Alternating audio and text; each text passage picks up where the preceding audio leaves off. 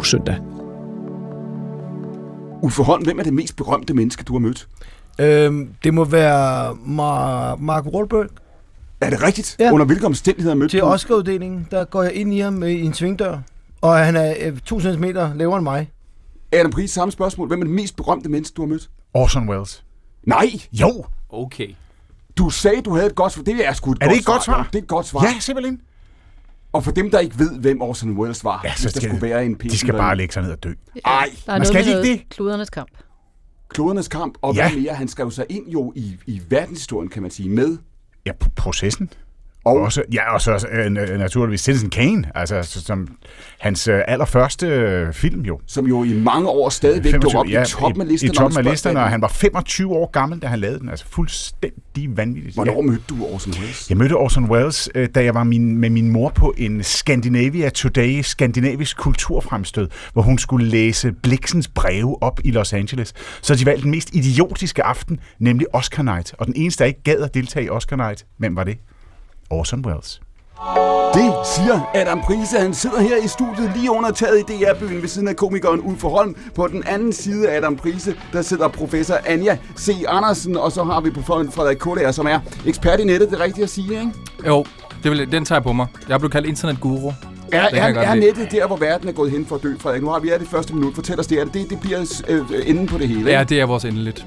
Mit navn er Clement Kærsgaard, og det, her, det er stafetten på B1-programmet, hvor fire gæster i to timer sender, som I hører, spørgsmål og svar videre til hinanden.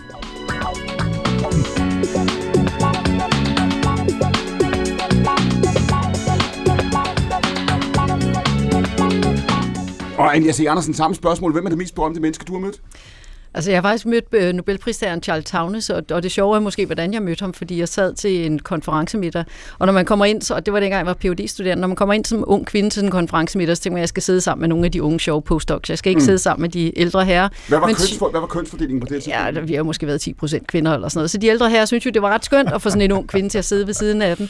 Så ham, der ligesom holdt konferencen, øh, her Settelmeier der, da han så mig og, og min kollega Susanne gå ind, så var han sådan, Anja og Susanne, I skal sidde heroppe, og det var op ved højbords. Og så blev jeg sat ved siden af sådan en 80-årig mand med høreapparat, og så sådan en småskør, græsk øh, 60-årig professor. Jeg tænkte, det bliver en super lang aften.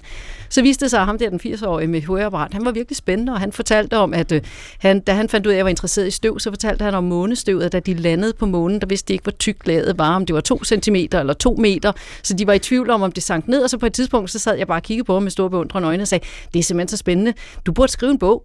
Og så sagde han, det har jeg gjort, den skrev jeg for fire år siden, og så sagde han, nå, hvad hed den? Og så sagde han, den hed How Did Laser Happen? Og så kiggede jeg helt forundret på ham og sagde, havde du noget med laseren at gøre? Og så var der en på den anden side af bordet, der forbarmede sig over mig og kastede sig ind over bordet og sagde, Charles, what year was it you got the Nobel Prize? Og så tænkte jeg, nå gud, har du også fået Nobelprisen? Jamen, det går da meget godt og sådan noget. Han var simpelthen utrolig interessant at snakke med. Og modsat hvad man skulle tro, så blev han faktisk enormt begejstret for, at han fandt ud af, at jeg snakkede med ham, uden at vide, hvem han var. Bare fordi, at jeg syntes, han var spændende. Øh, og ikke fordi, jeg var klar over, at han havde fået Nobelprisen. Og jeg, jeg spurgte lige et minut tilbage, Anja. Du sagde, da han fandt ud af, at jeg var interesseret i støv. Ja. Du sagde den sætning. Hvordan, kommer, hvordan er det, det falder ind i samtalen? Jamen, det er jo fordi, når man er til sådan en, en konference, så, så spørger man om, hvad forsker du i, og hvad forsker du i? Så jeg sagde, om jeg forskede i stjernestøv, og hvor det blev dannet henne. Ikke? Og så var han, så, som- den høflige bror her, han bare sagde, det lyder da spændende og sådan noget, hvad har du fundet ud af? Og så bød han jo ind med, hvad han vidste om månestøv og sådan noget. Og der var jo sådan nogle ting, jeg ikke vidste. Jeg var simpelthen ikke klar over, at de landede Apollo 11, så var de faktisk seriøst i tvivl om, om den bare ville synke ned i støvet. Og hvis den kom så langt ned i støvet, så der kom støv i raketmotoren, så var de jo aldrig kommet tilbage igen. Så det var jo, øh, altså man kan godt forstå, at Armstrong han havde høj puls, ikke? Fordi det vidste de faktisk ikke, før de landede. Når du ser tilbage, når du ser tilbage nu, når man, når man går tilbage på den periode, man ser på, på, på måneprogrammet osv., altså også i lyset af, hvad vi ved nu, hvad der er samlet af data, de muligheder, I har i dag for, kan du sige, at hente informationer hjem, modellere og så, og så videre. Det, det er jo virkelig rigtigt, at det var på alle måder ud i det åbne rum, ikke? Jo, det var det. Altså, der var jo så meget, de ikke vidste. Altså, de vidste jo, de havde jo nogle idéer om, at hjertet måske ville holde op med at stoppe, når man blev vægtløs og sådan noget. Der var jo rigtig mange ting, de ikke vidste. Så de der piloter, altså, de sagde jo også selv, da de blev sendt op, de mente, det var en 50-50 chance for, at de kom tilbage, ikke? Og alligevel tog de afsted, ikke? Vil du tage afsted, hvis du bliver spurgt? Ej, jeg er sådan en rigtig bangebuks. Altså, så har det rigtig fint med at stå og vinke og kippe med Dannebro til Andreas og sådan noget. Ikke? Så jeg vil super gerne have Andreas Mogensen op på månen og op til Mars og samle nogle sten og sådan noget, som jeg så kan undersøge i laboratoriet. Jeg tænker, det er en super god rollefordeling. Adam Prise, den dag Elon Musk ringer og siger, her, nu skal, nu skal raketten øh, afsted, værsgo, vi har den og den og den og den. Vil du ikke, vi har simpelthen brug for en, en, øh, en dansk manuskriptforfatter, hvad så? Ej, jamen, så, så, så, jeg, jeg tror, jeg vil være nødt til at sige ja. Det tror jeg. Det mener du? Ej, det tror jeg simpelthen. Ej, det er for spændende. Og så er jeg jo så gammel nu. Altså, ikke? Det kan jo være det, kan være det bedste, der ligger bag en eller anden bestemthed. Så du siger, og hvad, og hvad hvis du får at vide, nu var det så 50-50, de forestillede sig. Hvad hvis man, hvad hvis man ser en betydelig der risiko for, at det her... Det... Ah, jamen altså, nu, man må nok øh, skyde på, at den ikke var 50-50 øh, nu. Nej, altså, ja, øh, den, alt. den form for russisk roulette, tror jeg måske alligevel, tænker jeg. Altså, der er lidt for mange ting, der holder mig hernede. Uffe Holm, tager du med? Der er øh, her, det, raketten er klar til at flyve, der er en plads til dig. Ja, det gør jeg. Sådan, Uffe. Ja, ja. Ja, Men det er kun fordi Adam tager med. Det er, så I kan sidde ved siden af Han hinanden. virker, han virker så hyggelig. Og hvad hedder de... øh, og. Og hvad, hvad, hvad hedder de? øh, Og du tænker, du, vil, vil du risikere det? Vil du sige, det her det er, det er for spændende? Altså, jeg vil ikke risikere det. Altså, hvis det var en 50-50, så havde jeg nok bare sagt nej tak, ikke? Men altså, som Adam siger, der er nok sket lidt siden, ikke? Og øh, altså, altså er, det, er der ikke ham der Virgin-fyren der? Ja, Richard Branson. Jeg flyver han ikke bare milliardær rundt øh, i øjeblikket? i Jo, men det er jo, ikke, det er jo kun lige oppe i atmosfæren og så ned igen. Ikke? Det Okay, er ikke så... og det er sådan helt amatøragtigt. Ah, det ville han næb, næb det ord, han ville Ja, bruge, sådan ikke? 3 til 10 minutter, ikke? Jo. Ja, okay. Okay. Hvor lang tid skal, hvor, jamen, jeg har slet ikke fået noget at vide om det arrangement. Hvor lang tid skal være væk? Ja, det er jo Ja. det, der... Det er jo det, der Det skal... Men Adam, øh, hvis du kommer op i vægtløs tilstand, så er din smagsløg, de ændrer sig altså. Så, så den der glæde for mad, øh, der, altså, der Men skal det er jo, jo super interessant, det som astronauterne har haft med deroppe, ikke? Altså, som jeg jo også mener har bevæget fødevareindustrien. Øh, De har jo altid været sådan lidt øh, fremme, ikke? i form af frysetørring og alle de her ting, altså, fordi de ikke måtte veje noget. Ja. Så på den måde så har øh, astrofysikken sådan set også øh, haft betydning for og gastronomi. det, og det skal smage rigtig meget, fordi det, at ens smagsløg ikke er så veludviklet, når man er i vægtløs tilstand, så gælder det jo om, at maden smager meget, fordi ellers så bliver den så kedelig, så gider de ikke spise, og så bliver de deprimerede, så kan de ikke arbejde, og de skal jo derud og hente nogle sten til mig, ikke? så det nytter jo ikke noget, de ikke spiser. Frederik Kulle er samme spørgsmål. Her er du, her du er beskæftiget dig med nettet, du er journalist med ekspert, ekspertise. Det er her står du, værsgo, øh, rumskibet lidt, tager du med? Ja, er du sindssyg? Jamen, det, Du har ikke nogen forbehold, det siger du, du siger bare Der ja. er altså ikke noget internet på månen endnu. øh, er, det rigtigt? Ja. Okay, men så dur det slet ikke. Hvor ofte er du på nettet, Det, Frederik? hvad? Hvor ofte er du på nettet? Det er jo helt, det er jo mit, altså det er jo mit stofområde som journalist. Så Du er jeg, vel intravenøst, eller hvad hedder sådan noget? Jeg er blevet, på øh, nettet, jeg er blevet vaccineret, så jeg har jo 5G direkte i armen. Hvis, Altså- der, hvis der er nogen, der tager din telefon fra dig, Mm. for real, eller du altså virkelig går tør for batteri et sted, hvor der ikke er, ej, du ser allerede på mig som om, hvad, hvad, hvad det, så? det sker ikke. Hvor Jeg vidste kan ikke, det du- var sådan en gyserprogram. Der. Ja, Jamen, det sker vel heller ikke. Har du ikke altid sådan en ekstra jo, batteri med har flere power- hjerter? Ja, jeg, er kæmpe, jeg har altid Ja. powerbank på mig, og den nye iPhone, så der skal noget til. Hvor længe er du offline, når du er offline? Det tror jeg, når jeg sover. Men Okay. den ligger lige ved min side. Det er det første, om du ser på om morgenen, og Ja, det sidste. og det har det været siden... Øhm, jeg kom på internettet, da jeg var fem år, seks år gammel. Hvor meget, skærmtid, hvor meget skærmtid har du øh, på 24 timer? Jamen, der har jeg nok 10 timer. Ja. Ja, 10 timer på 24, ja. og så skal Det vi trække søvn fra. Okay. Jamen, det er... Er det, er det, er, er det, har du nogen som helst øh, overvejelser omkring, hvorvidt du bruger dit liv øh, rigtigt, Frederik? Ja, men nu tæller jeg jo min computer med som skærmtid, ikke? Ja, jo, Sådan jo. er det. Mm. Øh, og øh, ja, men prøv at for mig er internettet jo øh, verdener i verdener i verdener. Mm. Altså det er en... Øh, jeg har lige været så meget til at rejse ud i verden, altså den fysiske verden. Jeg er heller ikke så meget for at tage ud og mødes med mennesker i den fysiske verden, det- hvilket er forfærdeligt, når man er journalist. Men måske derfor har jeg specialiseret mig i at, at have internettet som min verden. Det er, jeg laver reportager fra fora, fra øh, YouTube-algoritmehuller, og øh, jeg kommunik- mine kilder er tit anonyme brugere på mørkenettet. Er Så, så jeg kan simpelthen skrive reportager fra hele verden, uden at lette røven fra mit øh, skrivebord. Så corona var faktisk en fed tid for dig. Men jeg elskede corona. jeg tænkte nok, jamen, præcis, det Jeg havde det så godt. Der var alle andre, de var, de, alle andre var tvunget, kan du sige, over, over, over i din verden, men Ja. bare uden din ekspertise og erfaring. Lige Altså, det er jo super interessant. Jeg troede, journalister var sådan nogen, der godt kunne lide at møde mennesker. Det er jo næsten som at snakke med en astronom, der er bange for mørke. Ja. Jamen det er, men altså, jeg kan godt lide at møde folk. De skal bare, øh, hvis der er 100 meter imellem os, eller en internetforbindelse, så, er det, så synes jeg faktisk, det er fedt. Ja. Eller en kok, der ikke kan lide mad. Findes der astronomer, der er bange for mørke? Det tror jeg ikke. Altså, det ville jo være virkelig skidt, kan man sige. Da, da rumprogrammet startede... Da Man kan her- selvfølgelig blive ekspert i solen. Mm. Så foregår det om dagen. Da, da rumprogrammet startede, denne her, nu man taler i dag om en moonshot, ikke? Altså når vi refererer til det i dag, så taler vi, øh, tænker vi på det som noget, vi siger, her har vi en fælles ambition. Det var jo drevet, det var jo øh, også i, i, i, på et af højdepunkterne i den kolde krig, præget af bekymringer, menneskehedens potentielle udslettelser, det var drevet af, kan du sige, militære interesser på begge sider, den amerikanske og den, og den sovjetiske, Anders Andersen. Der var jo samtidig også en, både en tro på at sige, at vi ville nærme os øh, øh på en eller anden måde øh, sandheden om os selv. Vi ville på en eller anden måde også bevæge os ind i fremtiden med en tillid til, at det ville blive bedre og større, end vi kan forestille os. Den, den kobling til en tro på fremtiden, den kobling til en tro på vores egen viden og på, at verden og tilværelsen og universet ved os det godt. Er der sket noget med den i mellemtiden? Øhm, altså både og kan man sige, fordi på en måde er vi jo lidt samme sted, og så har vi jo alligevel flyttet os lidt, ikke? Fordi at, øh, altså, livet er jo blevet bedre for de fleste mennesker på jorden. Der er blevet flere mennesker, men der er alligevel færre, der sulter. Der er mange sygdomme, der er blevet udryddet. Der er færre, der mangler vand og sådan noget. Så vi er ikke i mål endnu, så der er meget at kæmpe for. Men, men på en måde, så går det jo egentlig rigtig godt, og vi har alle sammen et bedre liv. Samtidig har vi jo så også fundet ud af, at nu er vi blevet så mange, og vi har det så godt, sådan så at øh, det kan måske give nogle trusler mod os selv. Så, så nu er der jo ligesom et nyt rumprogram, hvor Elon Musk han mener, at grund til, at vi skal til Mars, det er i virkeligheden, fordi vi skal sætte nogle mennesker op på Mars, sådan så får vi udslettet os selv. Så er der i hvert fald nogle gener, der er bevaret i den der genbank men, op på Mars. Ikke? Men er det ikke også, nu det er ikke for at give, kan du sige, rumforskning eller astronomernes skylden overhovedet, det er, det er, jo ikke, det er jo ikke det, der er tale om, men det siger også noget om vores egen tid. Altså vi spejler vores, vores egen, egne håb og vores egen frygt også, også ind i, i teknologien, og også ind i spørgsmålet, hvordan vi ser på verden. Ja, men spørgsmålet om man ikke altid har gjort det. Altså, der har altid været Ragnarok-fortælling, og, det har, og man, man har, næsten hver generation har jo troet, man blev den sidste, fordi lige om lidt, så gik verden jo amok. Eller så gik det hele af pommeren til, ikke? Altså, Christian den 4., du, du ved, han begyndte jo også at brænde hekse, fordi at, øh, at han troede på trolddom, og det troede han kom simpelthen, fordi der havde man jo også haft noget pandemi og nogle forskellige ting. Så, så nu troede de, nu, nu stod verden ikke længere. Så, så der er et eller andet, jeg ved ikke, om man kan kalde det dødstrang i os, men i hvert fald en dødsang, som gør, at vi altid tænker, om vi bliver nok den sidste generation her, og lige om lidt, så går der pommeren til. Men, men, når, men lad os lige bare lige forholde fast et sekund. Er der en forskel, tænker du på, at man i 60'erne tænkte, vi, vi skal vise, hvad vi kan, det er fantastisk, it's one small step for man, og så videre, alt det der, for, hvor vi tror på teknologien, og hvor vi har en, en, en tiltro til fremtiden, og så på, om vi siger Elon Musk, Richard Branson, ikke? Øh, som, som Uffe nævnte før, vi siger, at vi, vi er simpelthen nødt til det, fordi vi er ved at brænde den planet op, vi har. Jeg tror, jeg ser det lidt som den samme drive. Altså, det er jo egentlig lidt ligesom Knud Rasmussen, der udforskede Grønland, og Scott Amundsen, der skulle til polerne og alt muligt.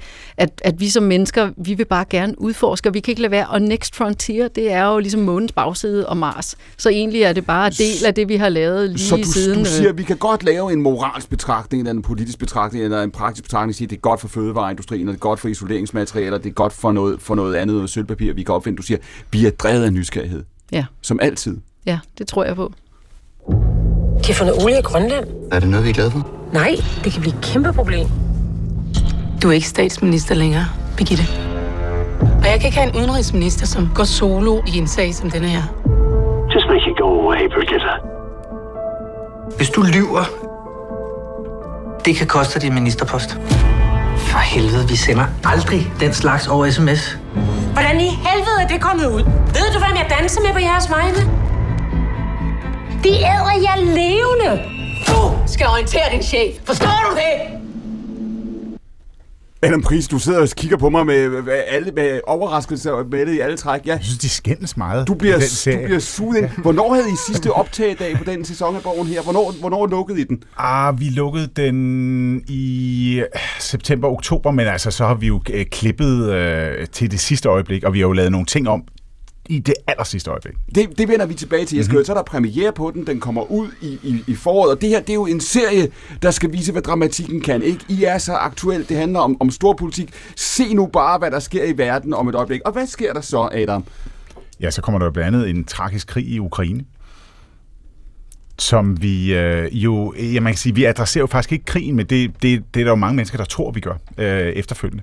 Øh, det hun sådan set øh, øh, taler om i det første afsnit, det er jo annekteringen af Krim i 2014, men, øh, men fordi replikken lyder, øh, jeg er bange for, at Rusland går ind i det her olieselskab, fordi øh, Rusland er gået ind i Ukraine, og, øh, og, og sådan lyder replikken, og det, øh, altså, det står i manus, men det manus er blevet skrevet to år forinden, altså sådan er det.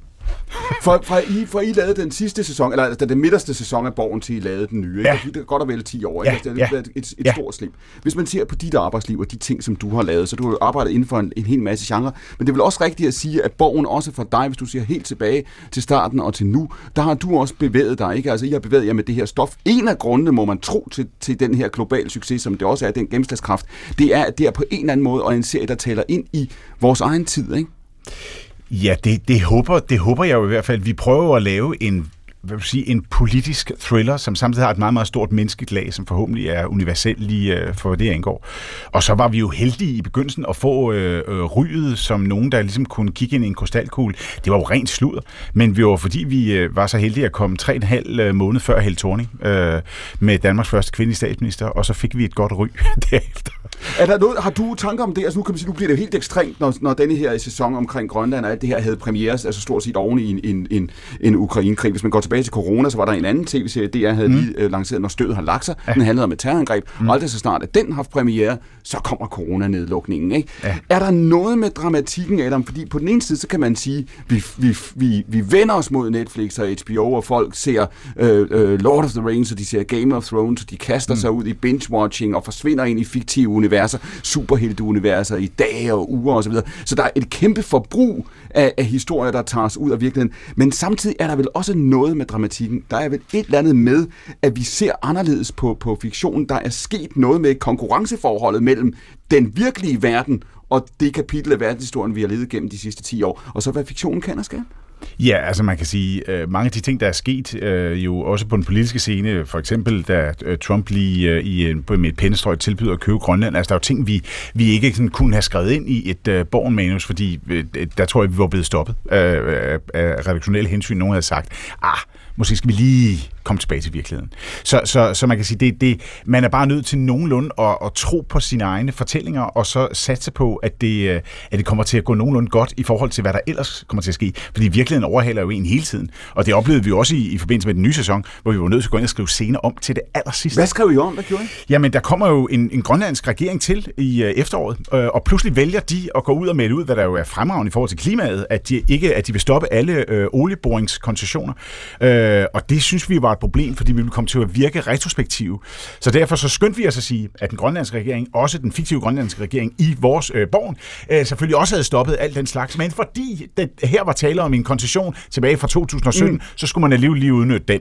Og man- fordi man- der også var 2.000 milliarder kroner Altså, olie i man, man kan sige ja. meget om herskab og tjenestesfolk, ikke? og man kan sige meget om Matador, men det var ikke, det var ikke noget, de lige, du ved, var på tallerkenen dengang. Det at sidde og skrive serien, mens den sendes nærmest. Nej, nej, det er jo også, også klart, hvis du vil lave en historisk serie, så, så klarer du nok ud om den problemstilling. Men, men, det, men min pointe er jo også, at ja, det, det er selvfølgelig det, men også, men også det, at I, I- der er et kapløb med virkeligheden her. Føler du en gang imellem, også når du ikke er, er, er, er i et projekt og mm. er i et pitch, føler du også en gang imellem der, hvor du er, er åben også over for verden og den tid, du er i, du tænker, hvor den næste historie, at, at I får konkurrence, at kunsten får nu at gå helt højstemt i de her år for konkurrence af virkeligheden. Altså, der er opstået en anden form for kapløb. Eller, Ja, altså virkeligheden er blevet mere ekstrem, og det har jo så også krævet det samme af kunsten, øh, må man bare sige. Og derudover så... Hvad mener du med det?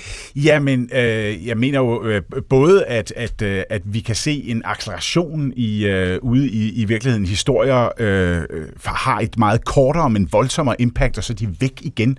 Øh, det er jo noget, som vi har været nødt til at kigge på, også sådan, hvordan man fortæller en pressehistorie på en sammenhængende måde. En shitstorm i dag er ikke som en shitstorm for 10 år siden. Gå tilbage og se de første sæsoner af Borgen. Der forholdt man sig jo stadigvæk til en gammel, trygt presse, og, øh, og, og der var nyhedsudsendelser, så og så meget og sådan noget. Der var ingen sociale medier. I dag er billedet fuldstændig anderledes. Selvfølgelig er vi nødt til at tage hensyn til det. Uffe Holm, tænker du der, fordi du fik jo lov til, hvis vender vi tilbage til senere, men da corona rammer. Ja. hvad er det så, der sker med dit arbejdsliv? Ja, det stopper. Der er ikke noget at gøre. Altså, man må være sammen fire mennesker, og det kan man ikke optræde for. Du kommer ikke ind, du skal, det er ikke sådan, at du tager ungerne og konen hver aften og siger, der er stand-up klokken 20. Og Nej, det, det kan jeg selv. det kan jeg selv, nogle folk gjorde. Det var for, faktisk personligt, var det meget rart lige at få i hvert fald sådan 3-4 måneders fri. Det havde jeg det meget godt med. Men så synes jeg godt nok, det, det blev rigtig træls, ikke? Og jeg, jeg panikker jo så, og så begynder jeg jo at optræde for de her biler, de her drive-in show, jeg får bikset sammen. Altså, der sidder nogen i bilerne, ikke? Ja. Ja, Øhm, fordi ellers tænker jeg... I Så, starten var det kun biler. Ja, kun biler, så tænker jeg, okay, det er rigtig kedeligt nu. øh, nej, nej, men vi lavede bare sådan nogle drive-in shows, men så gjorde vi faktisk noget ret smart i forhold til de andre steder, der også gjorde det, fordi vi lavede det i hele, hele landet. Øhm, vi gjorde det, at når der kom nogle biler ind, hvor det kunne være fire sygeplejestuderende eller sådan noget, der var virkelig godt humør, så fik vi den op foran, og så åbnede vi vinduet. Vi politiet får lov til, at alle venstre vinduer måtte være åbne, og så skulle der være to meter mellem bilerne og sådan noget. Ikke? Jo. Øhm, og så kunne man jo Altså høre... af hensyn til smittespredningen. Ja, ja. ja, ja det var pissebesværligt at lave, ikke? Men, men øh, vi troede alle sammen, vi skulle dø der. Men så sker der det, at øh, så har jeg alligevel sådan 4-8 biler foran, hvor at jeg kan høre dem grine, og det går så i min monitor, som også går ud i alle de andre biler. Og så begyndte jeg at, at kunne snakke med dem, med, når de blinkede med, med lyset. Altså et et blink var ja, og to var nej.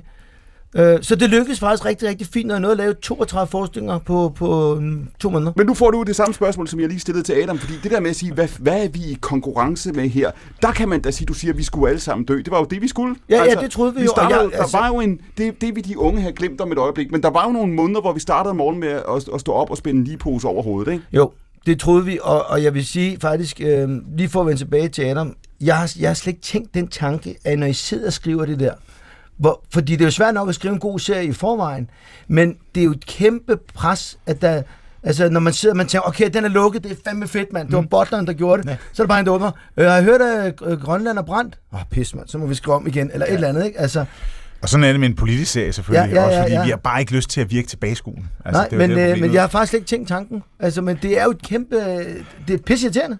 Det er øh, Altså, også- irriterende, når man laver noget, som skal smage lidt af virkeligheden. Ja, ja, ja. Så får man lyst til at flygte ind i andre, andre universer. Jeg tror, jeg skal skrive noget fantasy næste gang. Der er sgu ikke nogen, der kommer og sige, det er dårlig Ja, research. præcis, det er bare sådan, Fordi, det er. Frederik, du siger, du, siger, du siger før det der med, at du rejser på nettet. Mm. Du har det bedst med ikke at tage nogen steder hen i virkeligheden. Ja.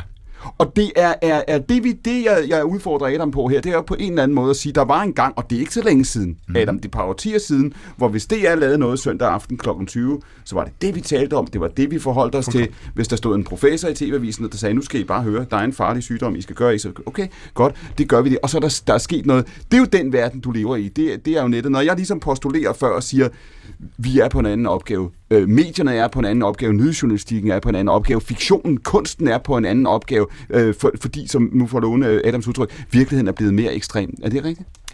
Ja, af, afgjort. Virkeligheden er blevet mere ekstrem og ekstrem øh, sådan fragmenteret og enormt personlig. Personligt, hvad mener du med det? Jamen hele, øh, hele internettet, det er internets store platform, øh, når du kigger ned i din telefon, ikke, så kigger telefonen tilbage på dig. Ikke? Den forsøger at finde ud af, hvad du godt kan lide, øh, hvad du drømmer om, din største, hvad, hvad længes du efter. Jeg har, hvad, ikke, jeg har ikke tænkt helt på det på den måde før. Nej. Jamen, den kigger, den har virkelig et øje for dig, ikke? Øh, og det vil sige, at over tid, så, øh, så justerer algoritmerne sig efter, øh, hvem du er som menneske. Hvad er din adfærd? Hvad klikker du på? Hvad bliver du hængende ved? Og hvad kigger du på? Hvad kommer du tilbage til? Hvor lang tid bruger du på den side? Hele internettet er sådan et stort øje, ikke? Øh, og, så, og på, over tid, så bliver internet, altså det oplevelsen af at være på sin telefon eller på sin computer og være inde på internettet, bliver en meget personliggjort, meget skræddersyet oplevelse. Og det tror jeg, vi, vi virkelig tit glemmer. Øhm, og jeg oplever det så tit, at jeg mødes med venner, jeg måske ikke ser særlig tit, og så taler de om ting, altså fænomener, kulturelle fænomener i deres liv, som fylder alt for dem, og jeg har aldrig hørt om det. Og de kan nærmest ikke forstå det, fordi alt det, de ser, det handler om en eller anden serie, de ser på HBO, mm. men jeg har aldrig nogensinde set den, hørt om den, eller noget som helst. Og den der oplevelse, den, den står jeg på ret tit. Og det, jeg tror simpelthen ikke, vi forstår, hvor meget nede i hver vores, hvor meget inde på værelset vi sidder, stort set alle sammen. Adam, hvad gør det ved kunsten? Ved dramatikken, fiktionen? Jamen, det gør jo, at det bliver øh, klubber. Altså, det må man bare sige. Øh, og så håber man selvfølgelig, at det, man laver, er til en forholdsvis stor klub. For ellers får du ikke lov til at lave mere af det. Kan du, kan du som professionel mand, fordi det er jo det her, der har været din profession, ikke? Ja, det er altid. at gå ind Ja. og, og, samle folk, ikke? Og sige, hey, vi har en, ved du hvad, vi har en historie, den er bedre, den er nyere, den er mere spændende, det er sjovere, end det var i går, I skal være med her. Det er det. Det er medien, det er underholdning, ja. det det, vi gør, ikke også? Øh, kan vi afskrive os den ambition, selvom vi kan sige, hey, hvis der er 1000 mennesker, der vil betale 1000 kroner, kan nok gå, jeg skal nok, altså, selvom vi kan, vi kan løse det på en eller anden måde, kan vi afskrive øh, håbet om, eller selvbilledet af, at vi skal være noget for mange? Nej, det er nok svært, at nu jeg er jo også en gammel DR-dreng, og jeg kan huske, at, at nogle af dem, jeg, jeg er jo sådan gået i mesterlærer og lært at skrive af nogle af dem, der kunne skrive på det tidspunkt. Der kan jeg huske, da vi lavede Taxa for en milliard år siden, Ja. der var det sådan lidt sådan, at man, at man kiggede ud på gaden, og man var lidt utilfreds, hvis der var mange folk, der gik dernede, fordi så var der jo lidt færre, der kunne sidde og se det, og, man, og, og det var jo dengang, hvor, hvor DR også, og senere med Krønning og sådan noget, trak, trak seertal op imod 2 millioner, der sad og så. Der kunne man jo virkelig mærke, når DR Drama sendte, for der var simpelthen færre folk, der foretog sig noget som helst andet, end bare at sidde og se De på gode DR Drama. gamle dage. Ja, og det er bare blevet noget andet nu. Til gengæld så henvender vi os, og det gør Borgen jo også, gennem øh, for eksempel en platform som Netflix, ikke? hvor man så har en, en kæmpemæssig algoritmestyret øh, virksomhed, øh, som, øh, altså, som pludselig samler klubber i, i dele af verden, man ikke lige havde forventet øh, nødvendigvis, øh, at Borgen ville ramme ned der, eller en anden sag ville ramme ned der. Pludselig har man venner i Sydamerika, man ikke vidste, man havde. Men der er også to spørgsmål. Det ene er, hvor, hvor bredt rammer det, du laver. Noget andet er, hvad tænker du, når du skriver, eller hvad er din selvforståelse? Altså, prøver du at samle? Forsøger du at være? Det er en diskussion, vi har på alle etager, og i alle siloer ude i det her hus. Der er en del hver dag. Skal vi, skal vi stå op om morgenen og sige, vi skal have så stort et telt som muligt? Altså det, det er jo selvfølgelig en, en intern diskussion på og jeg kan i hvert fald sige, Men ja, at den, men steder jo. men, men, altså, men jeg kan i hvert fald sige, at, at jeg har prøvet at skrive på den samme energi, i hvert fald når vi taler Borgen her for nylig, som vi fik lov til at skrive Borgen på i gamle dage på DR, for vi fik lov til at få skuldrene ned dengang, hvor mm. Ingolf Gabriel satte Borgen i gang, fordi der var DR kun berømt for krimier, og det var krimier, man forventede begyndte at rive ned fra hylderne i udlandet. Det vil sige, en, en serie, en dansk serie om koalitionspolitik, ah, tror det ikke. Så derfor så sagde han, øh, prøv at høre, I skriver bare til jer selv. I skriver til et dansk publikum, og det gjorde, at vi i hvert fald ikke begyndte at tænke, uha, vi skal ramme alle mulige internationale, universelle problemstillinger. Vi skal skrive en serie om politik og menneskelighed og magt og mennesker til danskerne. Og det har vi stadigvæk forsøgt, uanset at vi vidste, at denne her gang skulle vi ud i 190 lande. Uffe Holm, efter at vi i verden er vendt tilbage til noget, der minder om, om hverdagen, det kom, der kommer vi ikke. Det tror jeg ikke. Jeg tror, hverdagen er væk. Men efter, Ja, ja, ja, efter ja. Er, det, du, er, det, er det også din oplevelse? Ja, ja, det, det er helt noget lort. Hvad mener du med det? Jamen, jeg mener, at det, er, at det er meget interessant, det der bliver sagt her i studiet, fordi at øh, taxa, alle så taxa, fordi at det var klokken 8. Hmm. Og folk skyndte sig hjem fra tennis. De stoppede 10 minutter før, for de skulle nå hjem og se den fra starten. fordi du kunne ikke gå ind på en anden Hmm. øh, kanal og, og bare selv bestemme, når det var. Og det er den Hvis du klub, ville se Trine der var en og klub, Anders V. Basse, var der nu! Der var nu. en klub dengang, og vi var alle sammen medlem af den. Og altså, i dag, altså, kan I huske, da der var Melodi Grand Prix, hvordan man samles med familier og venner og så det der. Og, altså, der er ikke en kæft, der gider se det, fordi det er bare freaks, der render rundt, ikke? Og så Ukraine vinder, fordi der er krig. Altså, det hele er mærkeligt. Du, så du savner også nu de gode gamle dage. Ja, ja. Hvornår, sikkert. hvornår begyndte du på det? Jamen, da jeg var 11, tror jeg. Nej, nej, altså jeg vil sige... Da han begyndte øh, at optræde for biler. Ja, ja, da jeg stod optrædt for en Ford, så tænker jeg, måske det var federe før. Nej, nej, men jeg er meget old school. Jeg er meget old school i alt, hvad jeg laver, kan man sige. Ikke? Øh, og jeg kan bare godt lide... Blev du den der- født old school, Uffe? Ja, det tror jeg.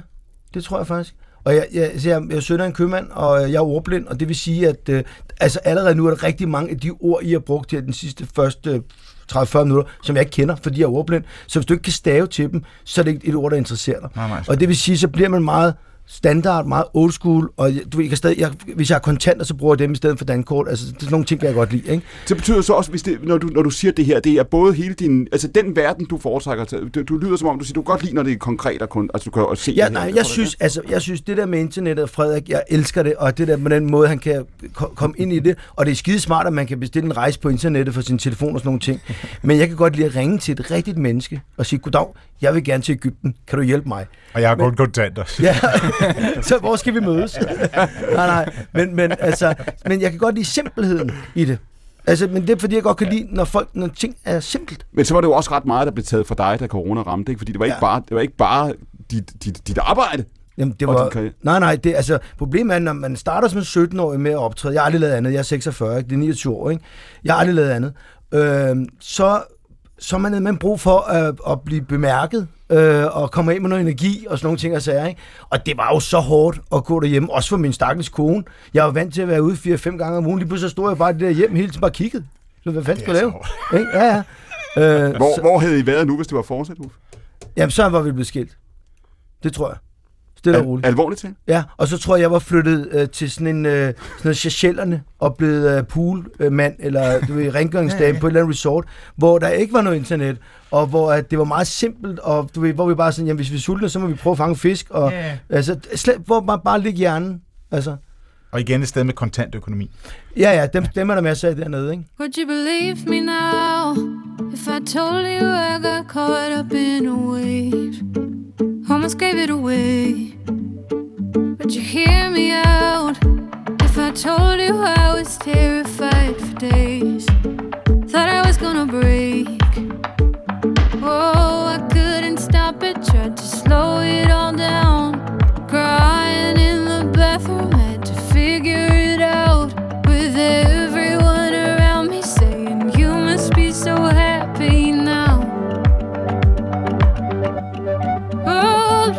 keep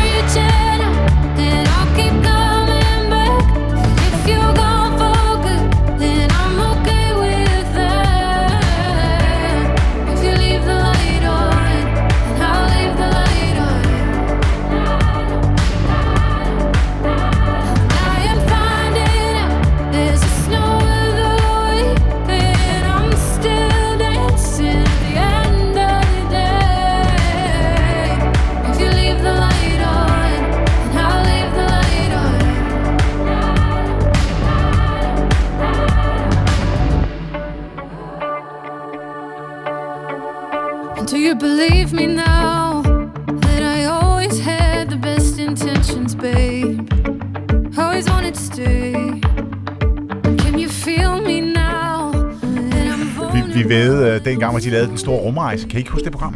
Jo, Kjell Reinicke, der tidligere har medvirket, det du fortæller mig nu. I ved hvad? Ja, nej, vi ved, vi ved omkring programmet på TV2. Jeg var på TV2 dengang, så ved vi, om de nogensinde ville få en ud i rummet. Det gjorde de jo jeg ikke. satte, Nej, nej, jeg satte benhårdt på det, fik de aldrig. Så Kjell Reinicke skylder dig hvad?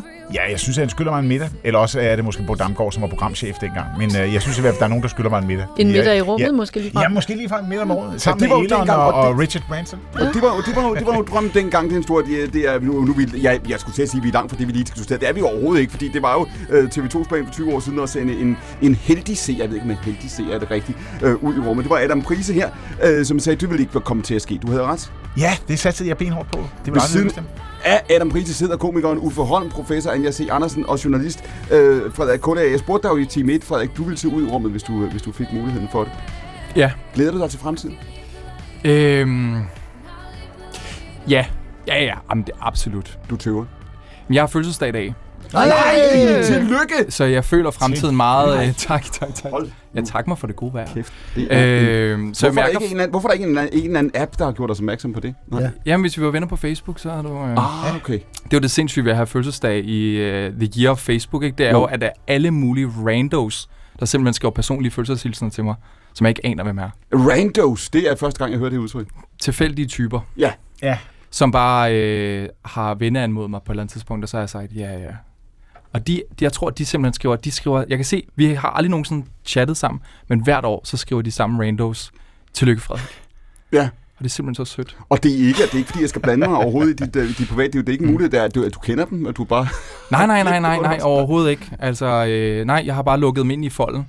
Og så føler de jo, ja, ja, det ved jeg ikke, de kommer ind i et meget sådan intimt rum for mig, som er min messenger-kanal, ikke? Det er der, jeg skriver med min kæreste og min mor og mine venner.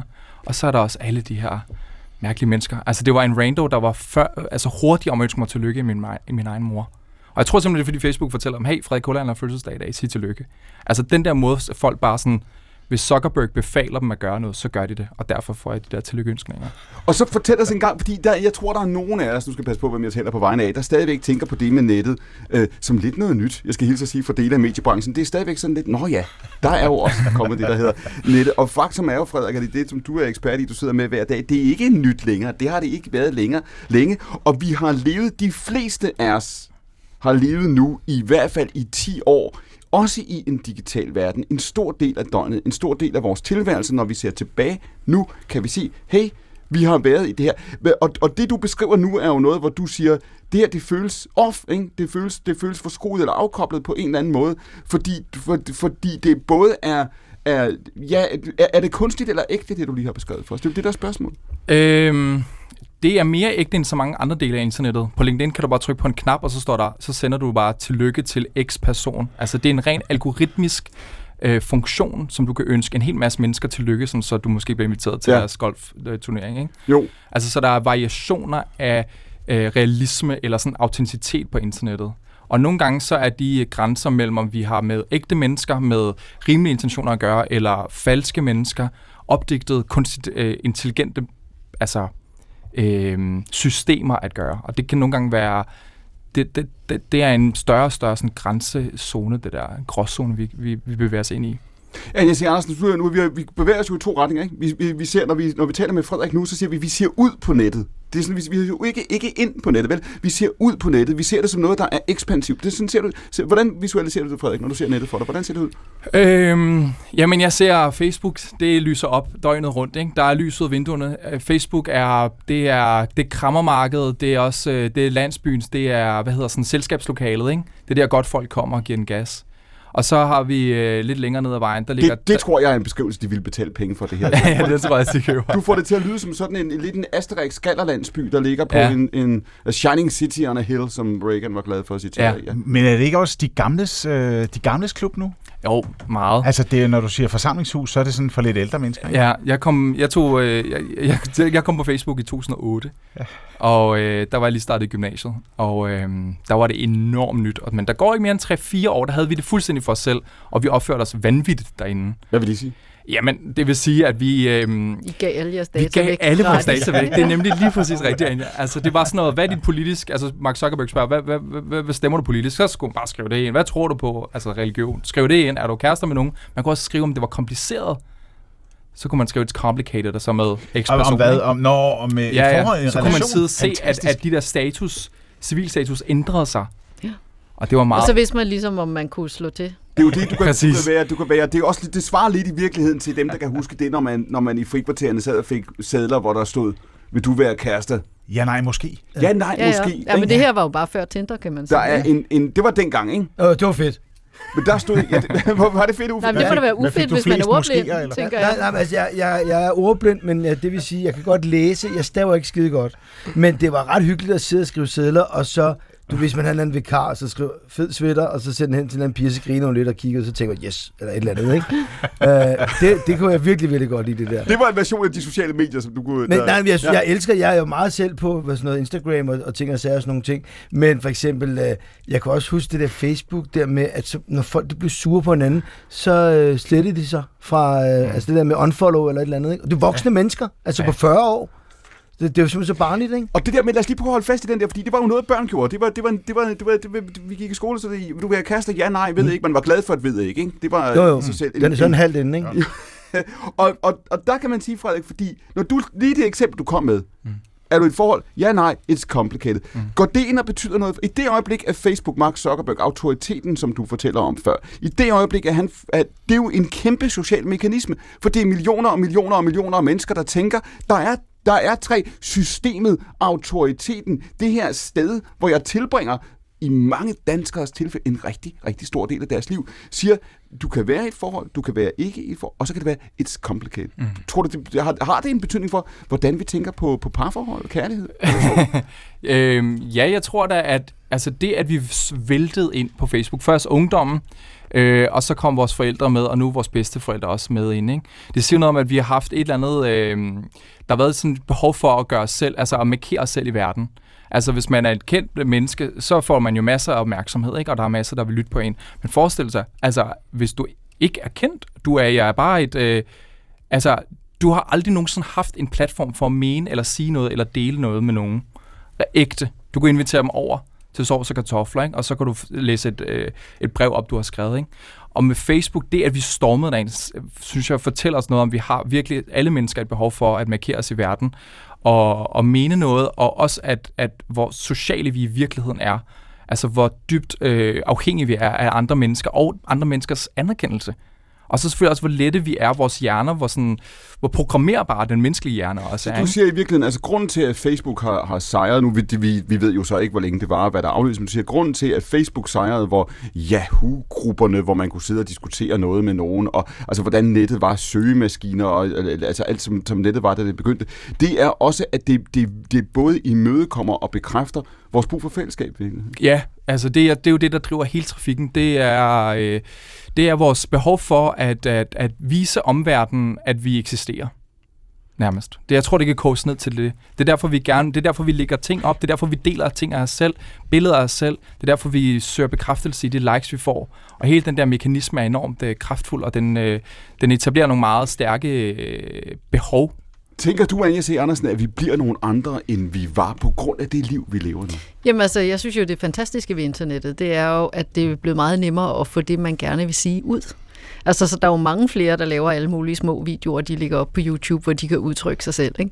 Så jeg mener, alle dem, der ikke sidder hos Adam og dig, øh, som I sidder og begræder, ikke er hos jer, de er jo ude og kigge på noget andet, eller ude og producere noget andet. Så samtidig med, at det er jo blevet enormt nemt at få luftet, hvad man gerne vil have luftet. Jeg vil gerne have folk, de interesserer sig for videnskab. Det er blevet meget nemmere for mig at komme ud og fortælle om videnskab, men det er blevet meget, meget sværere at få nogen til at lytte til det, kan man sige. Ikke? Fordi der fik man jo alligevel mere i gamle dage, hvis man fik snedet sig ind på DR i to minutter, end man får nu, hvor man måske har uendelig lang tid ude på YouTube. Der er bare ikke nogen, der lytter til det, man siger. Ikke? Så, Men, så det er jo både godt og skidt, kan man sige. Jeg vil lige sige en ting hurtigt, og det er, at det er jo ikke... Det, jeg synes, det alle skal høres, det synes jeg, det er fint.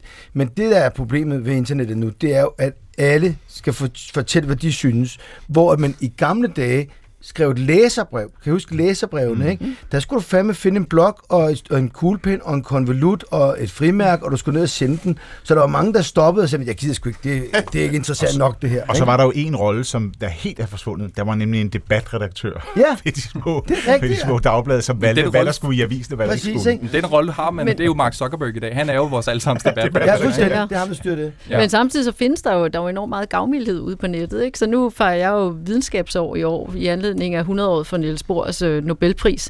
Og jeg kan få alt muligt videnskab ud på Instagram og på Facebook og Twitter og LinkedIn og prøve at få folk til at følge mig. Og man kan jo gå ud, og man kan høre Nobelpristager, der holder forelæsninger om fysik, så man kan få sig en hel uddannelse uden nogensinde at sætte sine ben på universitetet, kan man mm. jo faktisk blive utrolig lært. Det kunne man ikke i gamle dage, og det er jo enormt gavmildt. Ikke? Og så er der jo så alt det andet snavs derude, man så lige skal prøve at studere Men når fra. nu, når nu, når jeg spørger jer øh, før, ikke? altså det der, fordi jeg, det er en ting er, hvad det gør ved den offentlige debat og ved vores autoritet og vores profession og hvad det gør, Anja, når jeg spørger dig før, siger, forandrer det os som mennesker? Altså det, at man tager så stor del af menneskeheden, vi lever på en anden måde nu, end vi gjorde for 10 år siden, det var det, som Frederik beskrev før.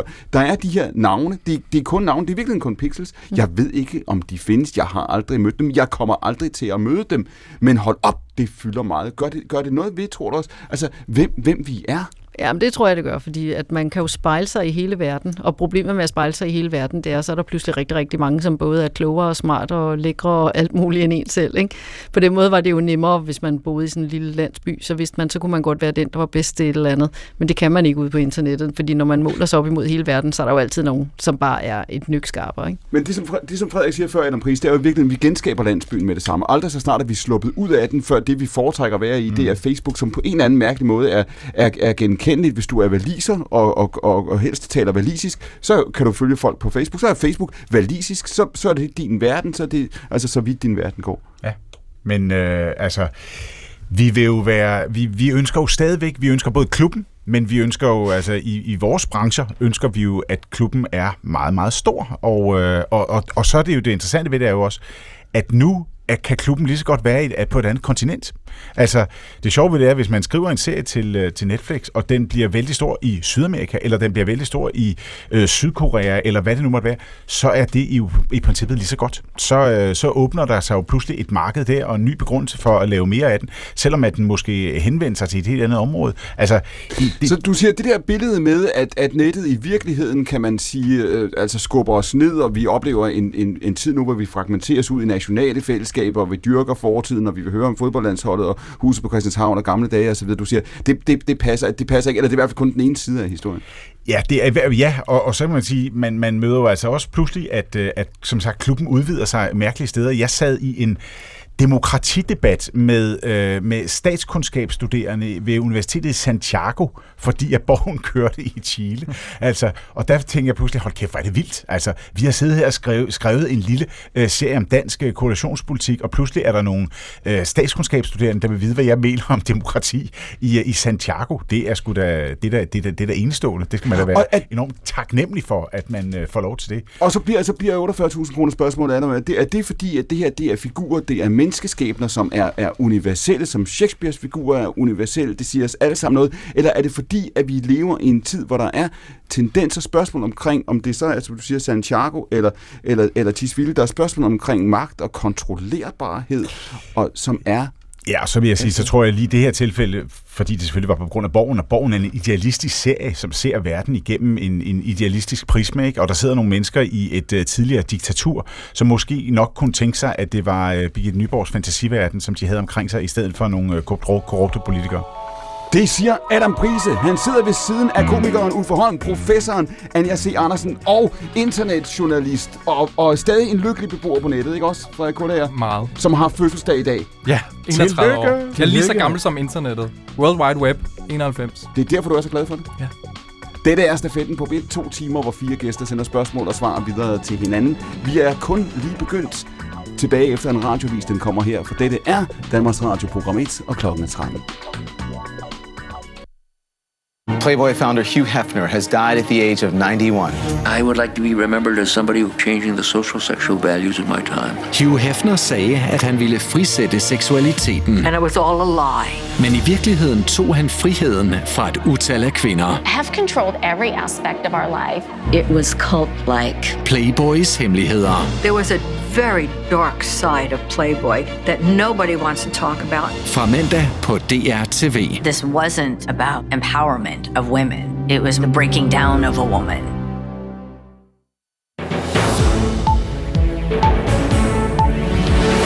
Det første skib med ukrainsk korn kan med stor sandsynlighed forlade landet i morgen. Så det lyder i hvert fald vurderingen fra en talsmand for den tyrkiske præsident Erdogan her ved middagstid. Tyrkiet har sammen med FN ageret mailer i de forhandlinger, der fredag i sidste uge endte med en kornaftale mellem Ukraine og Rusland.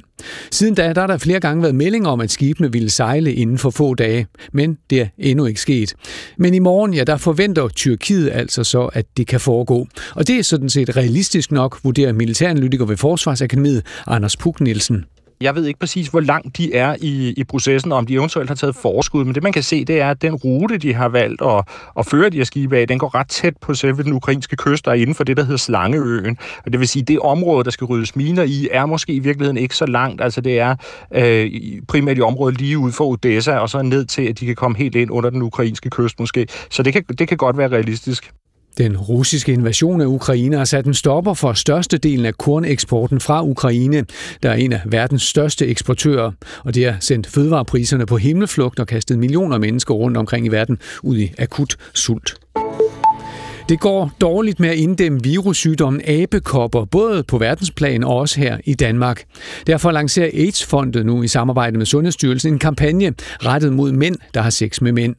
Det er nemlig især den gruppe, som har ramt, og til udarbejdelsen af kampagnen, der har man gjort brug af tidligere erfaringer fra andre sygdomme, fortæller direktør i AIDS-fondet Lars Christian Østergren. De erfaringer, vi har i senest i forhold til corona, hvor vi så, at på trods af, at vi alle sammen skulle blive hjemme og isolere os, så var folk ude og have sex alligevel, og det gav rekord mange sexsygdomme. Så det, de erfaringer, vi har, det er, at, at det handler om oplysning, så folk ved, hvad det er, de skal undgå, og hvad det er, de skal passe på, så de ikke går ud og smitter andre. Fordi uanset hvad vi går ud og siger, så har folk sex med hinanden. Inden for de seneste dage er to døde af sygdommen i Spanien, der sammen med Portugal og England er de hårdest ramte lande i Europa.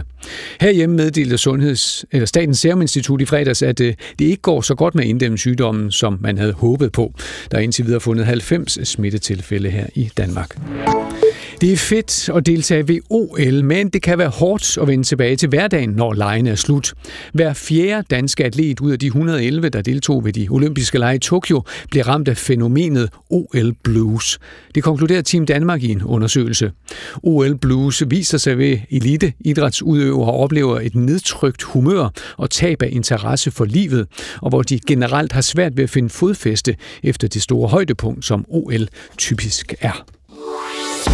Værmæssigt er der ikke så meget højdepunkt i dag. I eftermiddag skyde med regn i Jylland. I resten af dagen lidt sol, men den her regn den breder sig altså også mod øst i løbet af dagen og aftenen. Temperatur mellem 17 og 24 grader og svag til jævn vind.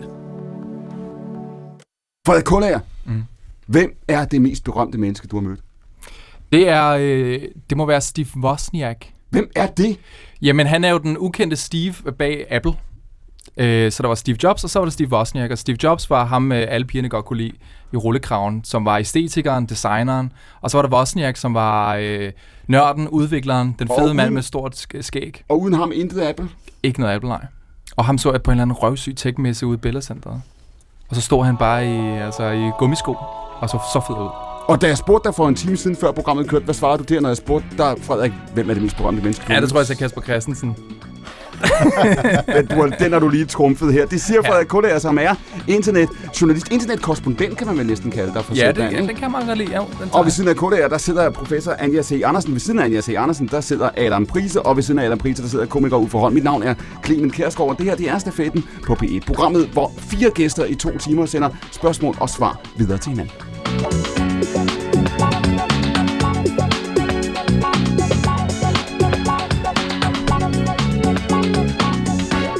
Og nu, Anja C. Andersen, skal vi rejse i tid, men princippet ikke i rum. Okay. Vi skal tilbage, så langt tilbage, som vi kan komme, kan man sige. Ja. Allerede det er måske forkert. Hvad sker der i de første sekunder efter universets opståen?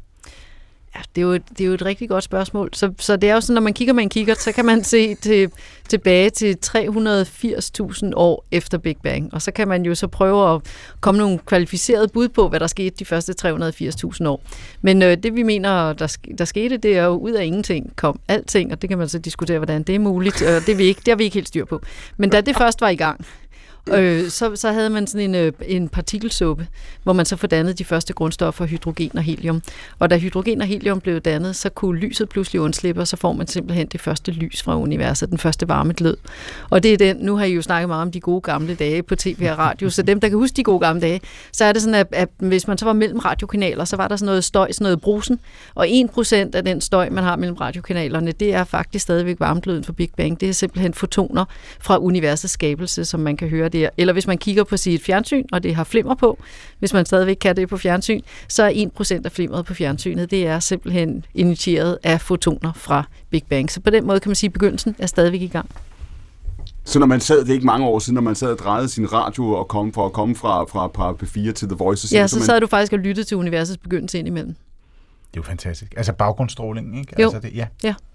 Og når du siger før, fordi du, da du fortæller historien, så sætter du, du siger, først kom der Først kom alting ud af ingenting. Ja. Og så ved vi ikke rigtig, hvad der skete. Så, så, så du, der sætter du ligesom så speed på fortællingen, og så, så, så lad os lige gå, gå lidt tilbage, fordi, fordi du sprang over noget der, kan man sige, ikke?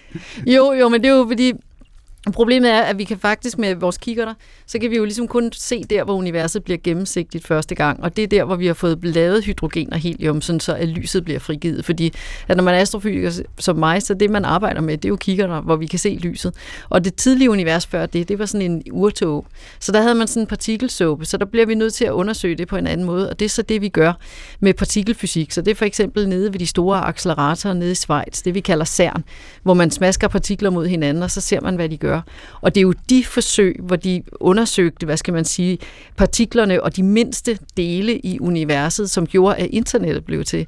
Fordi der sad jo nogle forskere der, som fandt ud af, og det var sådan et internationalt samarbejde, og så fandt de ud af, at de blev nødt til at dele nogle datafiler, så de ligesom kunne arbejde sammen på de her datafiler. Og, og det gjorde de så via internettet, og jeg tror ikke, der var nogen af dem, der havde regnet ud, at Facebook ville blive det helt store. Fordi, så jeg har egentlig været på internettet sådan lige siden starten, fordi sådan var det som fysiker. Så Vi fik siger jo altså- e-mail med det samme, og var på internettet, dengang internettet ikke var andet end sådan noget datafildeling. Kan man sige, at jeg nu er det ikke for flad i, for, for flad i naturvidenskab, men kan man, kan man sige, at, at søgen efter universets opståen altså, førte os direkte til øh, altså, kattevideoer og, og, og Ja, det kan man faktisk godt sige. Ikke? folk, der kører hinanden i trillebøger. Og, og man ser den der forskningsansøgning, hvor man siger, at vi vil gerne forstå Big Bang, og derfor vil vi gerne kigge på nogle partikler nede ved CERN. Og som en lille sideeffekt, så laver vi så internettet, som så kan blive deling af børneporno og, og kattevideoer og sådan noget. Ikke? Så har man nok ikke fået forskningspenge til det. Så det var der heldigvis ikke nogen, der kunne regne ud. Og lad os lige holde fat i den med CERN, fordi da de startede, de, altså ikke da de startede eksperimentet, men der var jo faktisk en diskussion for 20 år siden, da, da Schweizerne står og skal sætte stikkontakten i, ikke? Når de har fundet forlængerledning, eller hvordan sådan noget fungerer, ikke? hvor der var nogen, der sagde, hvad sker der? Hvad sker der, når man sender partikler? I, i hvor højt tempo er det? Jamen, det er med lysets hastighed, så det er den højeste mm. hastighed, som du kan opnå i universet, ikke? og så kommer de fra hver sin retning, og så smasker de sammen. Så og, det er sådan... og de bekymrede stemmer på det her tidspunkt, hvad var det, de sagde? Hvorfor frygtede de det her? Jamen, der var jo nogen, som sagde, at teoretisk set kunne man forestille sig, at der kunne dannes et sort hul. Og, og det, var, det, det var vi jo alle sammen enige om ville være rigtig skidt, hvis det var rigtigt. Men vi var til gengæld også ret mange, som tænkte, ah, det tror vi alligevel ikke er rigtigt. Så, så, så længe det ligger i Schweiz. nej, nej, nej, problemet med sorte huller, det er jo, at hvis først du bliver dannet i sorte hul, så ender hele jorden derinde. Det er lige det. Du, jeg synes også, du slap lidt, jeg synes også, du slap lidt, lidt om ved det, fordi du siger, ah, det sker, det sker nok ikke, men, men, det, men det var det, der var, altså, det var det, der var den, den teoretiske risiko, ikke en, altså, det var, Jo, jo, det var sådan, altså, der, der var noget teori, som pegede på, at det var der en mulighed, men, men altså, sådan er det jo i videnskab, der har vi jo altid forskellige parallelsandheder, kan man sige, at der er forskellige ting, der peger på, og på nu startede, i forskellige nu startede retninger. Adam Pris jo den første time med at fortælle os om hvem Orson Welles. Og det var Orson Welles, der også har skrevet sig ind i litteraturhistorien med det her citat, hvor han siger, hvad fik Schweizerne ud af 300 års fred? De fik Fred. kun Ja, lige præcis. The Cuckoo Clock. kuku, og det var det eneste, de opfandt. Så det ville jo have været skæbens ironi, Anja, hvis for 20 år siden... Og fandt de ikke også huller i osten? Ja, og også det. Ej, de, jeg tror, Men- de havde været der. Man kan ikke tale om at opfinde huller i Okay, nu kommer det jo det er et spørgsmål til Adam Pris. Ja, Den det er tager vi om faktisk lidt. svært at lave store huller i osten, tror jeg. Jo, det handler lidt om, hvad for en løbe og Ja, og netop. mælketyper Det tror og jeg da ikke. så Altså, fordi det, du kan se, at de fleste oste har jo ikke store huller, så derfor tænker jeg, at det men, må være men lidt en Vilde, talent. jeg prøver nu desperat at bevare en form for, hvad hedder det, overblik over samtalen her. Men jeg skal lige, fordi før vi kommer til hullerne i osten, så kan man sige, det ville jo være skæmmens ironi, hvis Schweizerne efter at have siddet helt stille i 300 år, var dem, der, der fik os alle sammen suget i det sort hul, ikke? Jo, altså så havde de jo så ikke gjort det alene, fordi det var et internationalt samarbejde, kan man, Man kan sige. hvert Så på sige- den måde havde de bare været heldige, fordi der var jo mange forskere om at, at lave det eksperiment, og mange forskere om at fortolke eksperimentet. Adam Pris. Det havde lykkes dem at bevare bankhemmeligheden, kan man i hvert fald sige. Altså, Altså, en gang du siger, så Ikke? intet, Altså. intet er så galt, Nej, at det ikke er godt Altså, for noget. Nej, præcis. Et sort hul i Schweiz. Så apropos, og nu vi er lige på listen over altså ubesvarede naturvidenskabelige spørgsmål. Så hvem opfandt Adam Pris til hullerne i osten? Jamen, det gjorde øh, den, den, den første, som øh, fandt ud af, at, øh, at der skete noget med mælk, når man lod det stå, og der skete noget med mælk, når man begyndte at, at blande løbe i det og sådan noget. Det har da været fuldstændig fantastisk. Altså, øh, generelt vil jeg jo sige, at, at gastronomihistorien er sikkert som dele af videnskabshistorien jo også, øh, at man- man har hoppet fra, altså øh, dybest set fra fejltagelse til, Ja, det er til fejltagelse, er man ikke? gået op ad Ja. successtigen, ikke? Jo. Altså, så Jo, hele tænkt, nu "Gud, skete der noget da op. mærkeligt, og ja, det her, er smagte godt, mærkeligt. og- Gud, og- kan man spise det? Ja, lige præcis. Ja, og den op. Han døde, så skal vi nok ikke Ja, gøre mere af det. Nej. Og i øvrigt vil jeg tænke, det der, du sagde, hvor de, når de sætter den der Grand uh, Colliders, uh, er det ikke lidt det samme, da de er, sidder med Manhattan-projektet? At de også, der er også nogen, der overvejer, når vi nu trykker på den første atombombe, det kan være, at vi starter en kædereaktion, som måske ikke stopper. Jo, det var der også nogen, Der var også nogen, der overvejede. Ja, ja, overvejede det er jo det det, man, man skal jo altid overveje det hele, når man er forsker jo. Jeg har alligevel lidt, ikke? Når du beskrev det før, uh, Anja Andersen, jeg, jeg, jeg sagde det der med, at vi skulle uh, rejse i tiden, men jo i princippet ikke i, i rummet. Ved vi, hvor universet opstod? Jamen altså, universet opstod egentlig alle steder, og, og det med, at vi stadigvæk kan modtage, hvad skal man sige, øh, fotoner fra Big Bang, det siger jo, at på en måde er det stadigvæk i gang med at opstå. Ikke? Altså, og det er jo det, der er svært for vores hjerner at forstå på en eller anden måde, men det er jo så, fordi universet er firedimensionelt, og vores hjerner kan på en solskinsdag klare tre dimensioner, og det meste af tiden er vi jo ret todimensionelle i vores opfattelse af, hvordan verden er skruet sammen. Og jeg spoler lige tilbage igen. Du siger, at universet opstod alle steder samtidig. Ja. Så derfor er der ikke nogen midte. Det er altså, total hippie-tak, ikke? Det, det, der, der er simpelthen ikke, vi, vi er på en måde alle sammen i midten, kan man sige, og, og ingen af os er i midten. Altså, så, så når man ligesom siger, når, hvor, hvor er det henne? Men det som jo, hvor du siger, at vi rejser i tid og rum, der er det jo sådan, at når man kigger ud i universet, så Det fordi det. lys bruger tid på at rejse fra A til B, så kigger vi tilbage i tiden. Og det er jo det, der er magisk. Det vil sige, at vi kan kortlægge universets fortid, kan man sige. Men, men det betyder faktisk også, at vi ikke kender nutiden.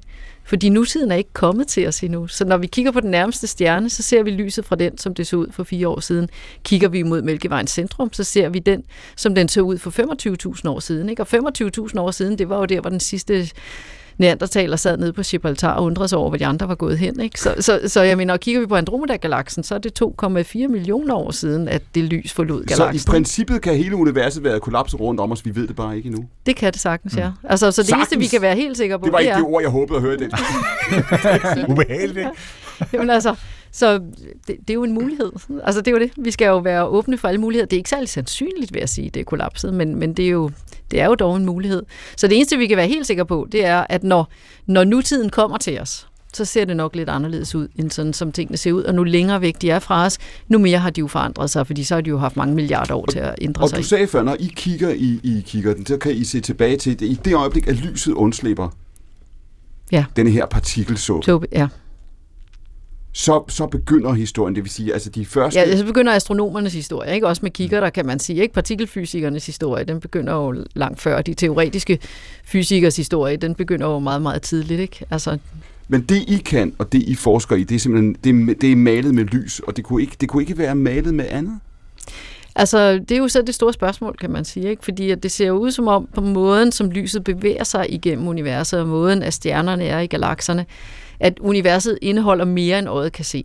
Så der er noget, der tyder på, at øh, galakserne indeholder noget, vi kalder mørk stof, som er sådan en slags kosmisk klister, som holder stjernerne sammen i det, vi kalder en galakse. Fordi ellers kan man jo undre sig lidt over, hvis man starter med et meget homogent univers, hvorfor ligger stjernerne så ikke bare jævnt fordelt over det hele? Hvorfor er de ligesom klumpet sammen i sådan nogle galakser? Og der er altså noget, der tyder på, at det er simpelthen fordi, der er noget i galakserne, som bidrager med ekstra tyngdekraft, som holder stjernerne sammen. Og når vi så kigger på, når, hvordan udvider universet sig, så bliver det jo først rigtig syret, fordi at, øh, det kan man, man kan jo undre sig over Big Bang, man kan også undre sig over, at man bor i et univers med vokseværk, men det er værre endnu, fordi de sidste sådan små øh, 20 år, der har vi været klar over, at vi bor i et univers, som ikke bare udvider sig, det udvider sig hurtigere og hurtigere, det accelererer. Og det kan altså godt give en fysiker sved på panden, fordi hvis noget skal accelerere, så skal der jo være en eller anden energiinput på en eller anden måde, fordi ellers kan du jo ikke få noget til at bevæge sig hurtigere, og hvad er det så? Og det, vi ikke ved, hvad er, det kalder vi så mørk energi. Så nu, lige nu, der leder vi efter mørk stof og mørk energi. Det udgør formentlig 95 procent af al den energi, der er i universet. Så på den måde, så kan man sige, da jeg var studerende, der havde man lige opdaget mørk stof. Så Ja. der lærte jeg, om vi har styr på 80 procent, det er alt det, vi kan Og se, og så er der selv- 20 procent mørk stof, ikke? Og nu er jeg der, hvor jeg siger til mine studerende, ja, vi har styr, styr på en 4-5 procent, og så er der de der 95 procent, som er mørk stof og øh, mørk energi, og er det ikke skønt, fordi det betyder, at I virkelig kan bidrage med noget til videnskaben, ikke? Og du fortæller jo, at da du sad i sin tid på de der øh, orange stole, Ja, der er sådan nogle fine orange stole ude i, på hos Ørsted Instituttet, og de er der endnu. og da du sidder der som studerende, og du hører, øh, Anja, dengang om, om, om det her mørkt stof, som, som man ikke ved så forfærdeligt meget om, som man ikke kan sige så forfærdeligt meget om, men som alle mulige andre observationer indikerer eksistensen af. Ja, man kan sige, at det vi ved, det er, at det er ikke noget, der lyser, og det er ikke noget, der blokerer for lyset. Så det er en eller anden form for usynlig stof i virkeligheden. Det vil være et bedre ord end mørk stof, fordi mørk stof, det giver i hvert fald mig sådan et billede ind i hovedet af nogle sådan øh, mørke, blafrende gardiner ude i universet. Og det er egentlig ikke det. Det er noget, der er usynligt, men som bidrager til Hvad, tyngdekraften. hvad tænker du, da du hører det første gang? Jeg tænker, den skal de længere ud på landet med. Altså, det, jeg, jeg tænkte, det behøver jeg simpelthen ikke beskæftige mig med, fordi lige om lidt, så finder man ud af, at det er en observationsfejl. Så finder man ud af, at der var lidt knas med chippen på, på kikkerten, eller man havde lavet en fejlanalyse, eller sådan Der er noget. nogen, der har glemt at tørre linsen af, og så... Sådan et eller andet, ja. Fordi det er jo sket så mange gange i, i historien, at der er et eller andet, man troede var et stort mysterie, og så, så var der egentlig ikke rigtig noget mysterie. Der var bare nogle lidt øh, skæve data. Men der har jeg altså taget fejl, må jeg sige. Nu flere observationer, vi laver, nu mere ser det ud som om, at det mørke stof er kommet for at blive. Og da det præsenteres for dig, den forelæsning, da du er en relativt øh, øh, ny studerende her, så kan man sige, at man ser konturerne, ikke? Man siger, at vi ved, at det må være der, fordi vi kan se, at det, at vi kan, det kan vi se, at det må være. Ja, som du siger, det påvirker rummet og lyset. Ikke? vi kan, vi kan postulere nogle, nogle, øh, nogle egenskaber, som vi forestiller os, det har. Ja. Hvor meget videre er I kommet? For der er jo gået et par årtier imellem. Jamen altså på en måde er vi kommet meget videre, men vi ved ikke, hvad det er. Men vi har fået en meget, meget lang liste af, hvad det ikke er. Altså, fordi sådan er det jo, man, man starter med sådan en lang liste, så tænker man, kan det være det her? Og så finder man ud af, at det er det ikke. Og man er jo blevet klogere, fordi man har Er fået det- den der lange liste af, hvad det ikke er. Er så det- snæver man sig jo ind på, hvad det så kan være, kan Er man det sige. stof? Altså, det opfører sig ligesom stof, men det er ikke stof. Er det mørkt? Øh, det, det er usynligt. Altså, så, så enten er det nogle partikler, som ikke er- udsender lys og ikke, ikke vekselvirker med lyset, altså ikke blokerer for lyset, eller også er det vores beskrivelse af tyngdekraft, der er forkert. Altså, det er faktisk også en mulighed. Så måske Så- er der bare noget galt med fysikligningerne, og der kan man måske, hvis man står uden for fysik, tænke, Nå, men det ikke, burde det ikke være det mest nærliggende. Og der kan man jo tænke, jo, det burde det måske, men på den anden side, vi bruger de samme ligninger til at sende Andreas Mogensen op til den internationale rumstation og sonder ud til Mars. Ja, og der de virker, virker de jo. gang, ja. Og de virker hver gang, så derfor er vi ikke så meget for lige at smide dem på mødingen og tænke, det, det kører nok ikke, fordi at alt andet tyder på, at, øh, at det faktisk fungerer. Og så er der jo ikke nogen grund til at skifte ud. når, når, når, de, når de virker på alt det, vi kan forstå, kan man sige. Så det er jo et mysterium med det mørke stof, men det er spændende Så mysterium. du siger, og det mørke stof, altså på listen over ting, I ikke ved, så siger du i virkeligheden, det er ikke mørkt stof så meget, som det er usynligt noget, som, som Usynligt ikke... stof, ja. Men, som- men det opfører sig, det er der, hvor stoffet er. Altså, så det er ikke helt så mystisk som den mørke energi. Fordi den mørke energi, der er vi altså fat i noget, som er noget helt andet. Altså, som simpelthen er, er en eller anden form for helt anden fysik. Altså, og måske, når vi har fundet ud af, hvad mørk stof er, så er vi måske oppe i noget med en ny naturkraft, eller en helt ny forståelse af, af et eller andet meget, meget fundamentalt. Og du siger før, at det kan være tyngde, tyngdeloven i virkeligheden, som vi kan have. Ja, det er det mørke stof. Ja, altså mør, mørk energi, der... Øh, altså, vi er mange, der sådan i, i en periode hæppede rigtig på, at det kunne være vakuumenergi. Altså, fordi det, man får mere af, når universet udvider sig, det er jo ingenting. Altså, der bliver bedre og bedre plads. Der bliver mere og mere vakuum. Og, og det er sådan ifølge kvantemekanikken, at vakuum må godt have en lille smule energi, bare det er så lidt, at man ikke rigtig kan måle det. Men hvis man har alle de der begge små, så på et tidspunkt, når universet er blevet stort nok, så begynder det jo faktisk at blive til noget. Ikke? Det er lidt ligesom de der bankrøverier, hvor de runder af mm. på den tredje decimal, så, så kan det faktisk også blive til ret mange penge, øh, hvis bare man, man har venter rigtig lang tid. Problemet er bare, at når vi så måler på vakuum, fordi det er det fede ved den her teori, det kan vi jo måle. Vi kan jo lave sådan et vakuumkammer nede i kælderen på Niels Bohr Institut, og så kan vi stå og stige på vakuum og se, hvad det gør, når det sidder der med sig selv. Ikke? Og der er altså Det en bruger I faktor. lang tid på, Det bruger vi rigtig meget tid at prøve at finde ud af, hvad ingenting er, og der er, der er konkurrerende teorier, vakuumteorier om, hvad vakuum er. Og så kan man jo også spørge, hvor, hvor godt går det så på arbejde, hvis man ikke kan blive enige om, hvad ingenting er. Fordi hvis, hvis det er svært at få styr på ingenting, hvad vil det så sige at være noget? Ikke? Men, men, øh, men, men det, det, den, den måde, vi forstår vakuum på endnu, så er der altså det, vi kalder en faktor 10 i 40'erne, altså 10 med 40 nuller bagved, Mm. forskel i størrelsesordner på, at vakuumenergi kan forklare den udvidelse, vi har. Ikke? Og hvis der er nogen, der synes, jeg snakker for meget, så skal du bare spørge mig om, kunne man forestille sig, i stedet for noget, der sidder inde i universet, der presser universet fra hinanden, og der sidder noget uden for universet og trækker? Og svaret ja. Ej. Svaret er, det kan man jo ikke sige, fordi, fordi forsøget ser ens ud, ikke? Men det er bare, så bliver problemet bare mere komplekst, ikke? Hvis der er noget udenfor.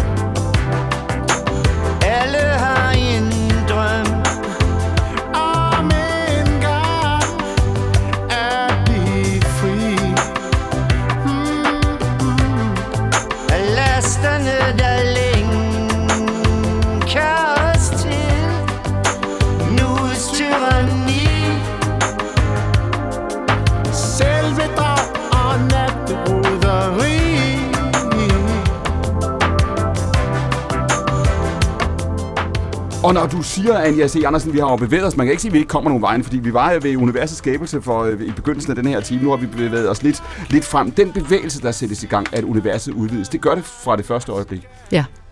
Og så ser det så ud som om, at øh, det bevæger sig hurtigere og hurtigere. Så man, man får altså... Big Bang giver noget, så det mørke stof, det, det, det er jo sådan en slags tyngdekraft, så det prøver faktisk at bremse udvidelsen op. Og så kommer mørk energi og ligesom sætter ind, og det gør det omkring det her tidspunkt i universets historie. Så fra nu af går det kun én vej, og det er, at det, det går hurtigere. Undskyld, når du siger på det her tidspunkt, så mener du nu? Ja. Så mener jeg her 13,7 milliarder år efter Big Bang. Det vil sige, der har ikke været mørk energi før det? Jo, der har været mørk, energi, men, men, men det ser ud som om, der kommer mere og mere af det. Det var derfor, vi tænkte, at vakuum egentlig var en meget god forklaringsmodel, fordi det var jo det, man sådan helt oplagt. Hvis man har et univers, der udvider sig, så bliver der jo mere og mere mm, tom, tomhed Øh, mellem må jeg spørge om noget, Anja? tingene.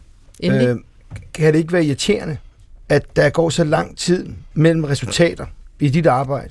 Fordi Når jeg har lavet et show, for eksempel, ikke? så klapper folk, og så er jeg færdig. Når Adam, du laver tv-køkkenet der, så der er der hakdreng. Det er færdigt. Vi kan se resultatet. Vi ikke? dem. Det er dejligt. Det går hurtigt. Det er nemt. Det er simpelt. Men sidder du ikke også og tænker det, Adam? Altså, altså, det må være hårdt at komme på arbejde, og så bare ikke... Altså, det er så meget interessant selvfølgelig, men der er lang tid mellem resultaterne, hvor man kan kigge på hinanden og sige, det var sgu rigtigt med det der stof der, du sagde til mig her for fem år siden. Det, du havde ret. Ja, og hvis bare det kun tog fem år. Ja, ja. ja jo, men det er jo, altså, man er jo, man er jo på en måde sådan bare en brik i en bevægelse, altså sådan en forskningsfront, ikke? Så det er jo lidt ligesom at være skovrider, hvor man jo også går ud og planter træer, så er Ja. der nogle andre, der fælder dem. Ja. Men så er man jo med til at fælde de andres træer. Altså, så man kan sige, jeg høster jo nye data fra nogle satellitter, som nogle andre Mm. har siddet og været med til at planlægge. Ikke? Jeg har jo siddet i komitéer, hvor vi har bestemt, at, øh, at øh, Athena og Juice skal sendes op, og det skal de jo gud hjælpe med sådan i 34 og 37, der er jeg jo blevet pensioneret, så jeg kommer jo ikke til at have gavn af de forskningsdata, men det er der så nogle andre unge mennesker, der gør. Jeg har så haft gavn af noget andet, så man er på den måde sådan en del af en kæde. Ja, Og på den måde, Øh, der er også, i, i virkeligheden kan man sige, jævnfør Uffes øh, spørgsmål her, Anja, jeres selvbillede, jeres billede af, hvad I selv laver, spejler i virkeligheden i en vis forstand det stof, I, I, øh, I studerer, ikke? Jeg, jeg, ved, jeg ved ikke, om jeg tænker på mig selv som mørk stof. Det er sådan Nej, lidt men i kedeligt. forhold, i, forhold til, i forhold til tidsaksen, ikke? Ja, ja, i forhold til tidsaksen, så kan man jo sige, altså fordi der, jeg bliver faktisk tit spurgt om, om folk de siger, "Men er det ikke sådan lidt øh, ærgerligt med dit arbejde, ikke? Fordi du kan arbejde øh, virkelig her dit hele livet, og så når du dør, så, øh, så er vi måske blevet lidt klogere på noget, men der er jo nok ikke blevet løst noget. Der er stadigvæk endnu flere ubesvarede spørgsmål, end da du startede. Og det synes jeg faktisk bare er en velsignelse, fordi mit ultimative mareridt, det er faktisk at vågne op i morgen, og så ved vi det hele. Så vil jeg faktisk slet ikke vide, hvor jeg skulle stige ud af sengen. Men man vil jo aldrig det hele, ligesom at fordi... Nej, det er jo også mit håb. Ja, nej, men det gør man jo ikke, og det er jo det samme med, altså, for eksempel mit job, øh, så er det, at, at, at jobbet er færdigt, at mit show er færdigt måske, men det kan jo blive bedre. Ja. Ikke? Så Jo. man sætter sig ned og skriver igen, og det er jo det, man bare skal blive ved med.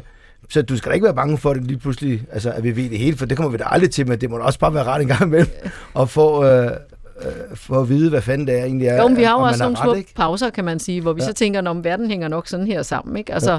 Så jeg mener, lige efter Tycho Brahe, der var de jo lykkelige, da de fandt ud af, at solen lå i centrum af solsystemet, og solsystemet var hele universet. Ikke? Ja, ja. Så kom Hubble i 1923 og sagde, at der er faktisk, øh, det er ikke bare Mælkevejen, som man så ligesom var nået frem til, fordi Mælkevejen er bare et ud af ø-galakserne, så blev universet meget større. Og hver gang vi får en ny kigger, så bliver universet endnu større, og lige om lidt, så har vi jo mange data fra James Webb-rumteleskopet, så det jo spændende at se, om universet bliver større, eller om universet har den størrelse, som vi egentlig tror, det har. Er? Noget af det, jeg synes er dybt fascinerende, det er jo også, øh, altså, hvor, hvor farlig viden øh, under tiden kan være, og ikke mindst når det støder sammen med, med, med al den antividen, der også øh, er derude. Og jeg tænker, hvor noget af det farligste, man kan være lige for øjeblikket, det er vel at være abortlæge i USA. Næst efter det, så er det vel at undervise i darwinistisk evolution. Mm. Og jeg tænker på, men I bevæger jer jo tættere og tættere og tættere på ja, simpelthen skabelsen. Altså, øh, og I taler nogle gange om, om sekunder efter Big Bang mm. osv osv.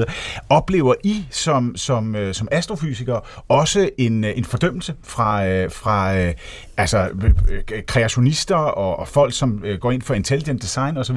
Eller er det simpelthen for svært, det I beskæftiger jer med, så I undgår kritikken fra, fra ultrareligiøse, som insisterer på, at de har svaret? Altså, vi oplever kritikken, men i forhold til, hvad Tycho Brahe og Galileo og Kepler blev udsat for, hvor de jo blev fængslet og dødstømt af den katolske kirke, fordi at de jo mente, at, at solen måske lå i centrum af solsystemet, så går det jo fremad, kan man. Ja. jo sige. Så på den måde er kritikken jo egentlig blevet mindre, end den var, var tidligere.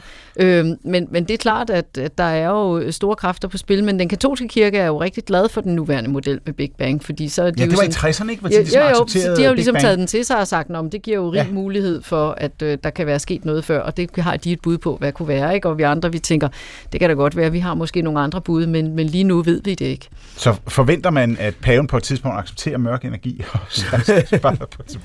Ja, jeg tror ikke, at paven har, har noget imod mørk energi på nuværende tidspunkt, fordi så længe man ikke ved, hvad det er, Han har så... ikke et overblik over det. Nej, nej, så... Men kan man, men kan man, om man så, om man så nu, det er et godt spørgsmål, ikke? fordi om man så taler om det i religiøse øh, øh, termer, og hvor dogmatiske det er osv., men den, den måde, du beskrev det på, Anja, før, når du beskriver universets opståen, det, det er jo svært, bare de ord, du må bruge, og de forbehold, du må tage, giver, det- giver jo i virkeligheden også jeres diskussion, en form for poesi i hvert fald. Ikke? Jo, og, og jeg mener, jeg er jo der, hvor på en måde inde i mit hoved ville det give meget mere mening, hvis Big Bang ikke var det der ud af, i, ud af ingenting kom alting, men i virkeligheden var det, vi kalder en faseovergang. Altså universet egentlig altid har været der.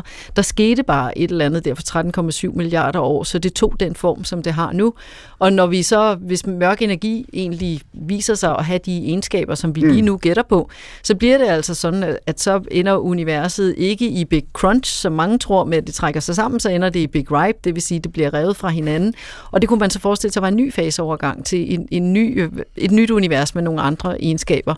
Men det er jo svært for vores hjerner at forstå, fordi det ene det er jo, at det altid har været der, og det der med evighed er svært at forstå. Men, og det andet, det er begyndelse, som vi også har svært ved at forstå, fordi vi tænker, hvis der er en begyndelse, hvad var der så før, og hvis det udvider sig, hvad udvider det sig i? Og Nogle af de modstillinger, den modstilling af dem, du, du spørger ind til nu, som er en klassisk modstilling, øh, karakteriseret jo, mm. altså du skal sige de sidste 500 år, men det er jo, det er jo alt for lidt.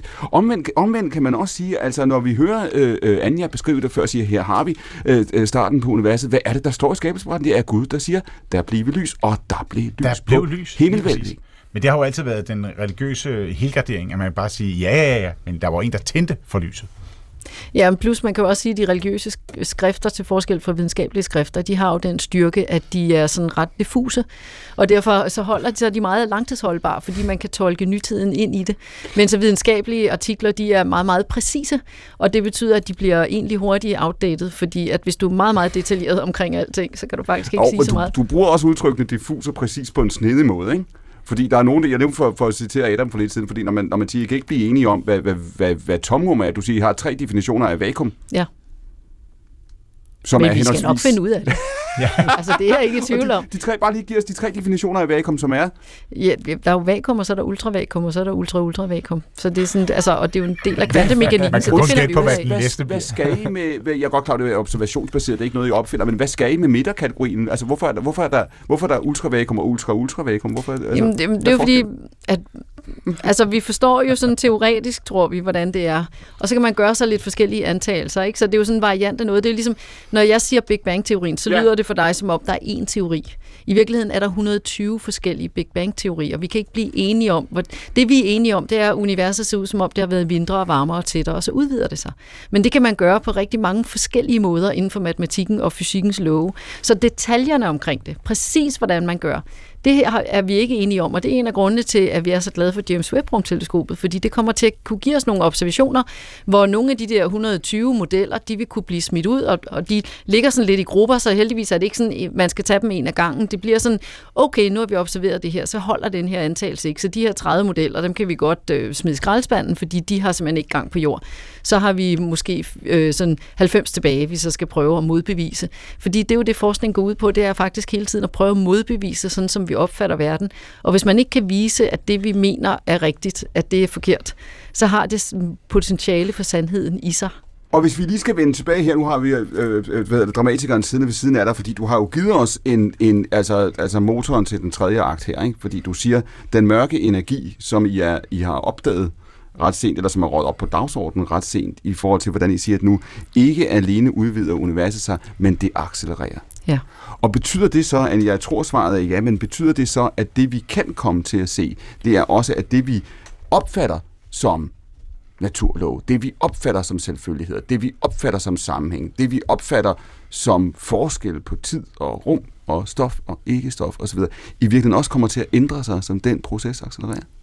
Ja, det, det kan man meget, altså fordi vi diskuterer om, betyder det jo, at, at hvad hedder det, tyngdekonstanten i virkeligheden er konstant, så der er måske nogle af de ting, vi tænker er konstante, som måske alligevel ikke er så helt konstante over tid, som vi havde regnet med før, ikke? Så, så, så vi kan godt stå over for sådan en revolution lidt, eller, altså før Einstein og Bohr, der, der var jo mange fysikere, der var rigtig lykkelige og sagde, "Nå, nu har vi forstået det hele, nu er der ligesom ikke mere at komme efter, nu skal vi bare sådan sidde og, og regne den ud hele tiden, ikke? Og så kom Einstein og Bohr, og, og når jeg underviser de studerende, det meste af det, jeg underviser dem i, det var jo den nye fysik, der kom der i 20'erne og 30'erne, ikke? som man ikke havde tænkt på før det. Og der tænker jeg, at der kan jo sagtens ligge noget, noget helt ny fysik. Det er jo det, vi alle sammen håber på, fordi så er der jo også en Nobelpris på den anden side, hvis man er med til at løfte flin for det. Ikke? Men hvis man forestiller sig den acceleration, det er jo så spørgsmålet der, altså accelerationen i universets udvidelse, hvor hurtigt den kommer til at gå, ikke? Jo. Fordi sandsynligheden for, at det er noget, vi kommer til, at vi kan, vi kan modellere det, Ja, og, og det store spørgsmål er, hvad sker der, når det rammer lysets hastighed? Ikke? Fordi vi mener, at lysets hastighed er den højeste hastighed, man kan have. Så hvad sker der, når accelerationen når op på lysets hastighed? Når du begynder at accelerere med lysets hastighed. Og der er jo så lidt forskellige modeller for, hvad der kan ske. Ikke? Og, og, og Hvad, dy- hvad, hvad er worst case scenario? Altså man kan sige, at alle, alle scenarios er universets endeligt, kan man sige. Ikke? Så, så det er jo en eller anden form for Ragnarok-scenario. Så er det bare, om det er det, vi kalder Big Ripe, eller det er den langsomme kuldedød, eller, eller hvad det er, vi er på vej i. Det er det, er det som de Og mener, jeg- når de jeg- taler om konstruktiv Ja, men lad mig lige øh, trøste øh, lytterne med, at der taler vi jo altså om 100 af 100 milliarder år øh, ud i tiden, så måske, øh, du ved, Om om det er 100 alligevel år. trist for Lone. Det vil alligevel være trist for Lone. Det vil da ramme. Ja, men der er lang tid til, vil jeg sige. Hvor, hvor langt er vi oppe i hastighed lige nu? Jeg er faktisk ikke klar om, vi er, vi er ikke særlig højt oppe i hastighed. okay. Så vi har altså, der er, der er lang tid Der er til. på. Ja, der er meget lang tænke, tid vi, er, vi har, vi har, øh, har, har, har, oplever du, øh, øh, Adam Prise, i de her år, om det så har noget at gøre med, øh, hvem vi er, hvor gamle vi er, eller om det har noget at gøre med verdenshistorien, du sagde i time 1. Der er sket noget. Vi oplever verdenshistorien på en anden måde her. Ikke? Vi oplever, det kan være rigtigt eller forkert, men mange mennesker oplever, også inden for de sidste 10 år, en, en acceleration af begivenheder omkring os, og også en mistillid til fremtiden.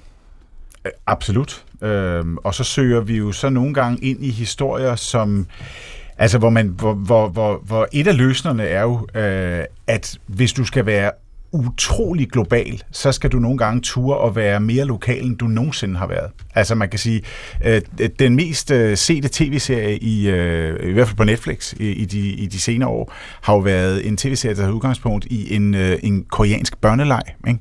Som godt nok bliver fortolket på en lidt brutal måde. Squid Game. Squid Game, ikke desto mindre. Ja, men, øh, men man kan bare sige, at, øh, at, at, at det at gå meget, meget, meget lokalt til værks, øh, øh, vil formentlig være en, en bedre opskrift, end at forsøge at nå alle.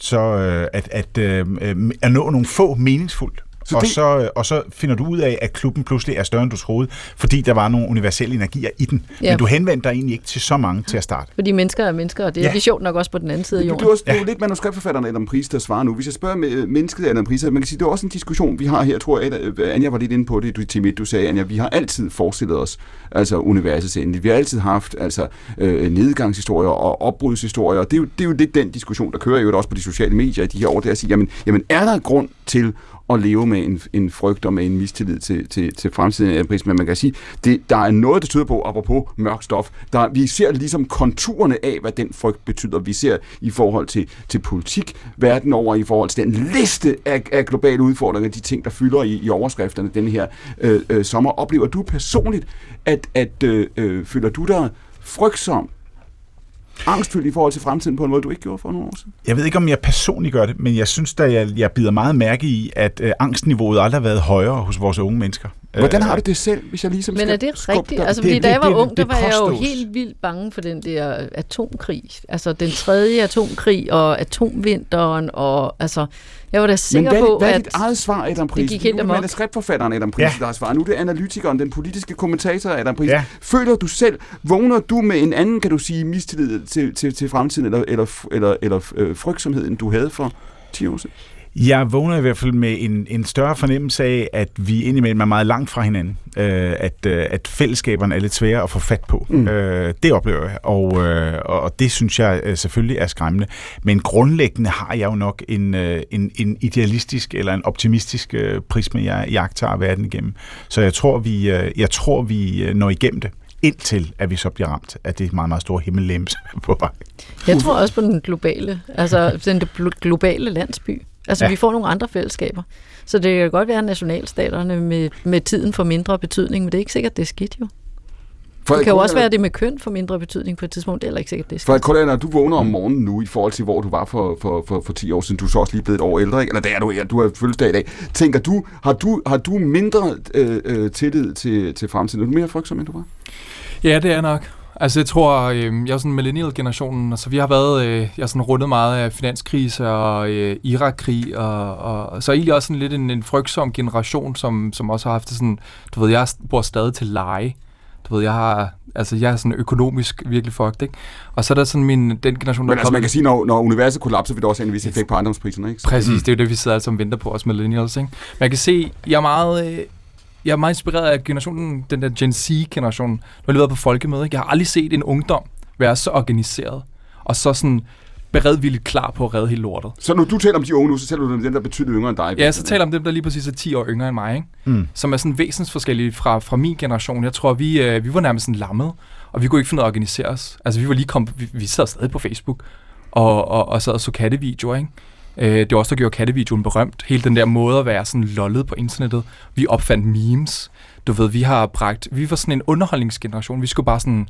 Du ved, vi skulle bare, vi skulle bare fodres øh, døgnet rundt for skærmen, ikke? Hvor jeg kan se, den ungdom, der kommer nu, de... Øh, de, de, de, de, kommer trykke, de der unge mennesker, fordi de er så organiserede, de er så engagerede, og de er, øh, de er fuldstændig knivskarpe på, hvilken vej de ser, verden skal hen i, og hvordan vi skal gøre det. Så du siger, at den generation, du fylder 33 dage, ikke? Det var sådan, 31. En, undskyld, 31. Du siger, at jeres generation var, var, var ganske vist præget af en krisementalitet, men var også ønsket eskapisme, ønsket underholdning. Ja, ja. ja vi er den store gamer-generation, ikke? Jo. Altså, vi har mødt stadig med øh, mine venner øh, på 30, og så sidder vi og spiller Counter-Strike, som vi gjorde, da vi gik i SFO. Det er også os, der byggede meget af de store platforme med min generation, ikke? Øh, mig og drenge, der nærmest er lidt ældre, ikke? Det var sådan nogle amerikanske gutter, mange af dem, ikke?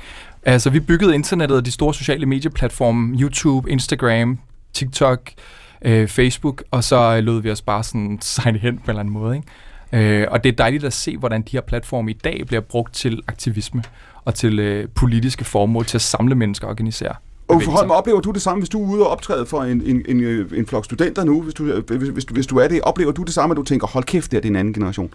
Ja, men det er det. De er meget, meget bevidste øh, om, hvem de er, og jeg tror også, at øh, lige for at lukke den der med angst der, øh, fordi Anja sagde, hun var bange for atomkrig og ting og sager, ja, de, de er meget bange i dag, unge mennesker. Der er meget angst, øh, og, der, og der, der er mange grunde til det. Nu har der lige været corona, øh, og de hører jo, altså jeg, jeg har en datter på 8 år, ikke?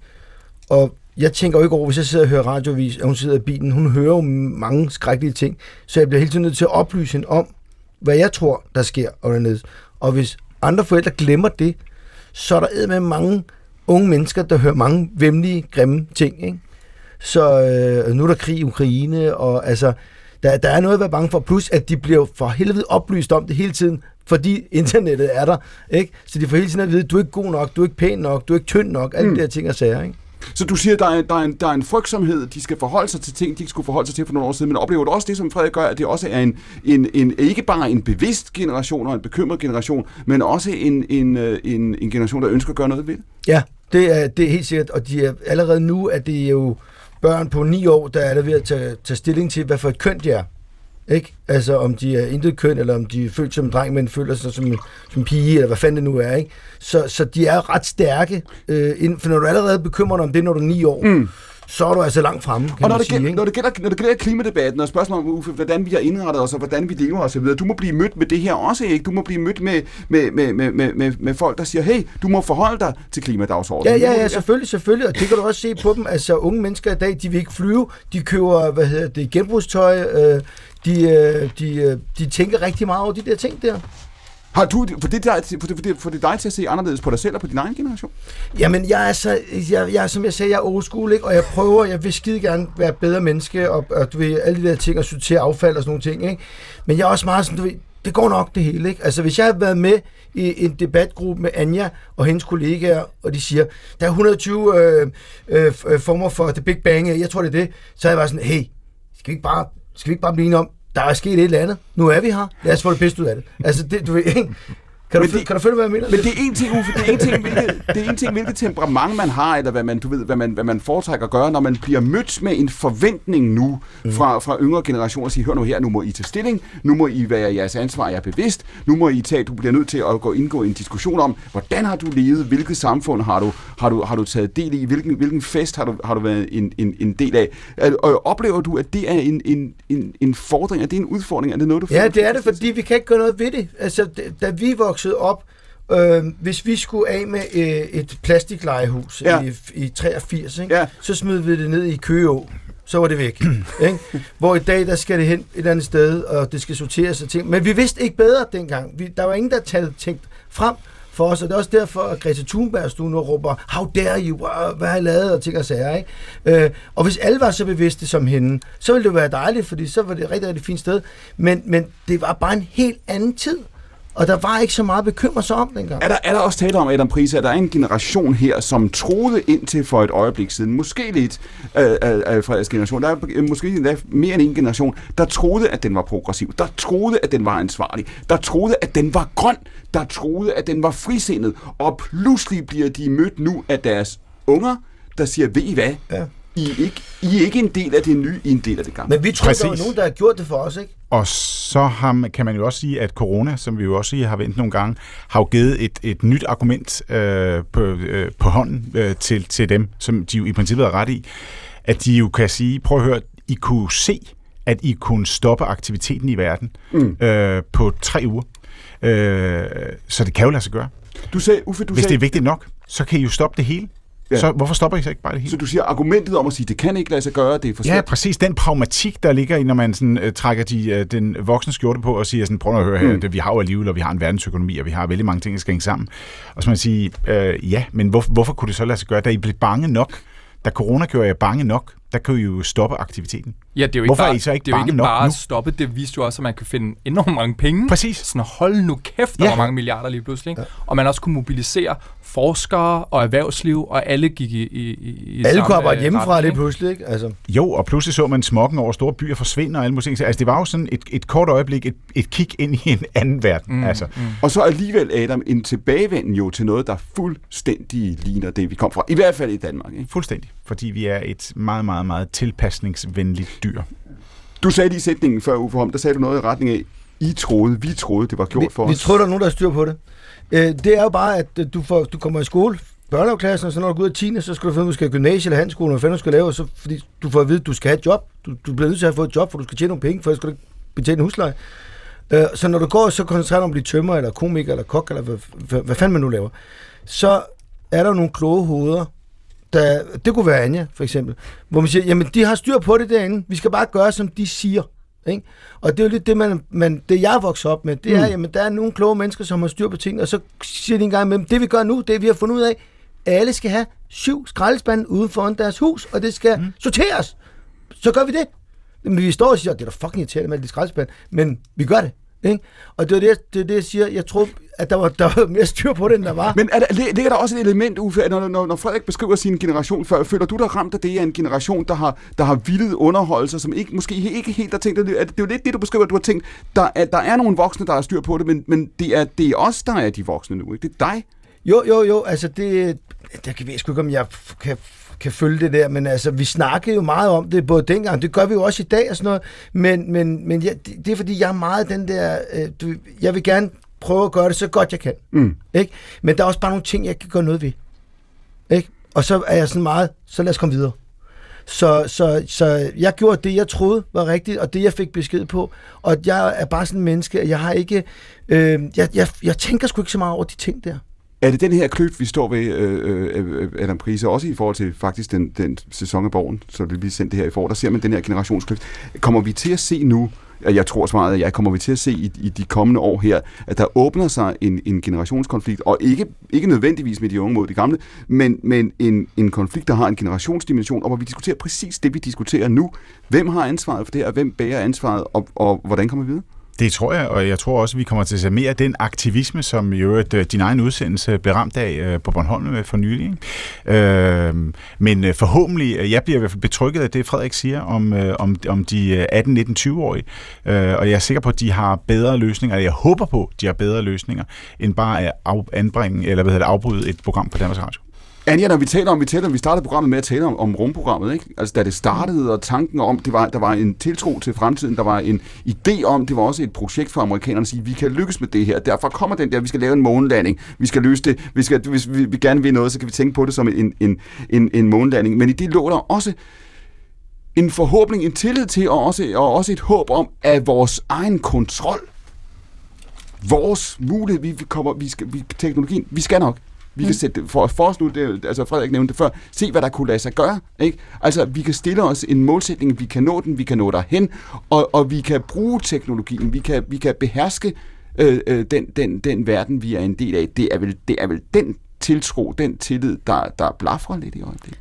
Ja, jeg tror måske, man tidligere, så havde man jo meget sådan, at vi kunne teknologisere os ud af alting, ikke? Og der Jo. har man jo fundet ud af, at altså ligesom viden er et tvirket svær, så er teknologi jo også et tvirket svær, ikke? Mm. Det giver en løsning, og så giver det nogle problemer, og så er der ofte, man ikke har set, hvad problemerne er. Altså plastik er jo et meget godt eksempel, det er et fantastisk materiale, man kan bruge det til rigtig mange ting, men hvis man ikke også har tænkt ind, og man også skal samle det ind, så giver det så nogle problemer.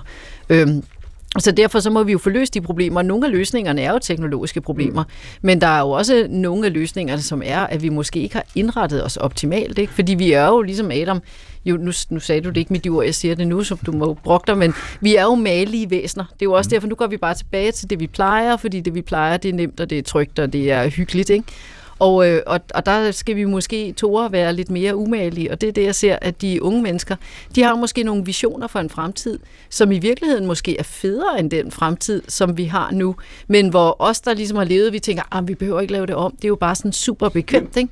Altså, så, så folk kan jo ikke lide, hvis der bliver taget noget fra dem, Nej. men i stedet for, at vi ligesom snakker om, "Nå, men så kan du ikke have bil, eller du kan ikke spise bøf, eller du kan ikke ryge en cigaret, så bør man måske have fokus på, jamen, hvad er det, man kan i den der fremtid, som vil være super fedt, og som vil gøre, at det bliver federe for, for alle. For jeg kunne nu diskuterede vi før, altså den der, den der tanke om, at, at, at, at øh, partikelacceleratoren øh, nede i, i Schweiz, CERN, at den på en eller anden måde måske kunne være, kunne være der, hvor verden gik hen for at dø. Ikke? Man tænder på knappen, og så går der... Øh, ja, der går ikke et sekund, der går mindre end det, og så er vi alle sammen forsvundet ind i det sorte hul, som, som de her øh, fysikere har, har, har, har skabt. Du startede jo med at sige i, i den første time, øh, at nettet er øh, øh inde, inde på det hele. Når du sidder og kigger ud på nettet, der, der er to konkurrerende måde at se verden på her. Ikke? Fordi man kan sige, vi, vi hold op, hvor har vi mange af os hovedet nede i det net. Hold op, hvor vi bliver vi, du beskrev det selv i time 1, vi bliver hele tiden spejlet af de ting, vi, vi kan lide, af de ting, der interesserer os, af de ting, vi hører. Vi bliver også på en bekræftet i vores egen billede. Og der er også en opfattelse af, at sandheden er til diskussion. Det, der er rigtigt, er til diskussion. Herover hos os, der mener vi altså øh, sådan, og det gør I der. Og det er Adam beskrev det for eksempel også tidligere. Du siger, det klubber Adam, ikke? Ja, fuldstændig. Og du, altså, og du forestiller dig ikke, at vi kommer tilbage til en samlende fortælling, eller... Jeg tror i Et hvert fald, at stort det, jeg, jeg, tror ikke, at det, jeg tror ikke, den gamle klub, hvor vi, øh, hvor vi kunne samle alle søndag kl. 20, øh, kommer tilbage. Den har vi mistet. Når man følger det, som du gør for KD, jeg tænker man så, at det, det er en, et univers, der udvider sig. Det er meningsfællesskaber, klubber, der glider længere og længere fra hinanden. Absolut. Altså, det er jo... Øh, altså, fordi altså, internettet er så personligt, altså bliver så personligt et, en klubværelse, helt ned på individniveau, så bliver det også en meget mere... Altså, så fylder subjektet bare. Altså, det er jo subjekter, der, der udfylder internettet med alt det, de er, alt det, de mener, øh, alt det, de har holdninger til og sådan noget. Og derfor tror jeg, hele den der, det der det, den ideen om det objektive, og du ved, altså, det, den, den er i total forfald.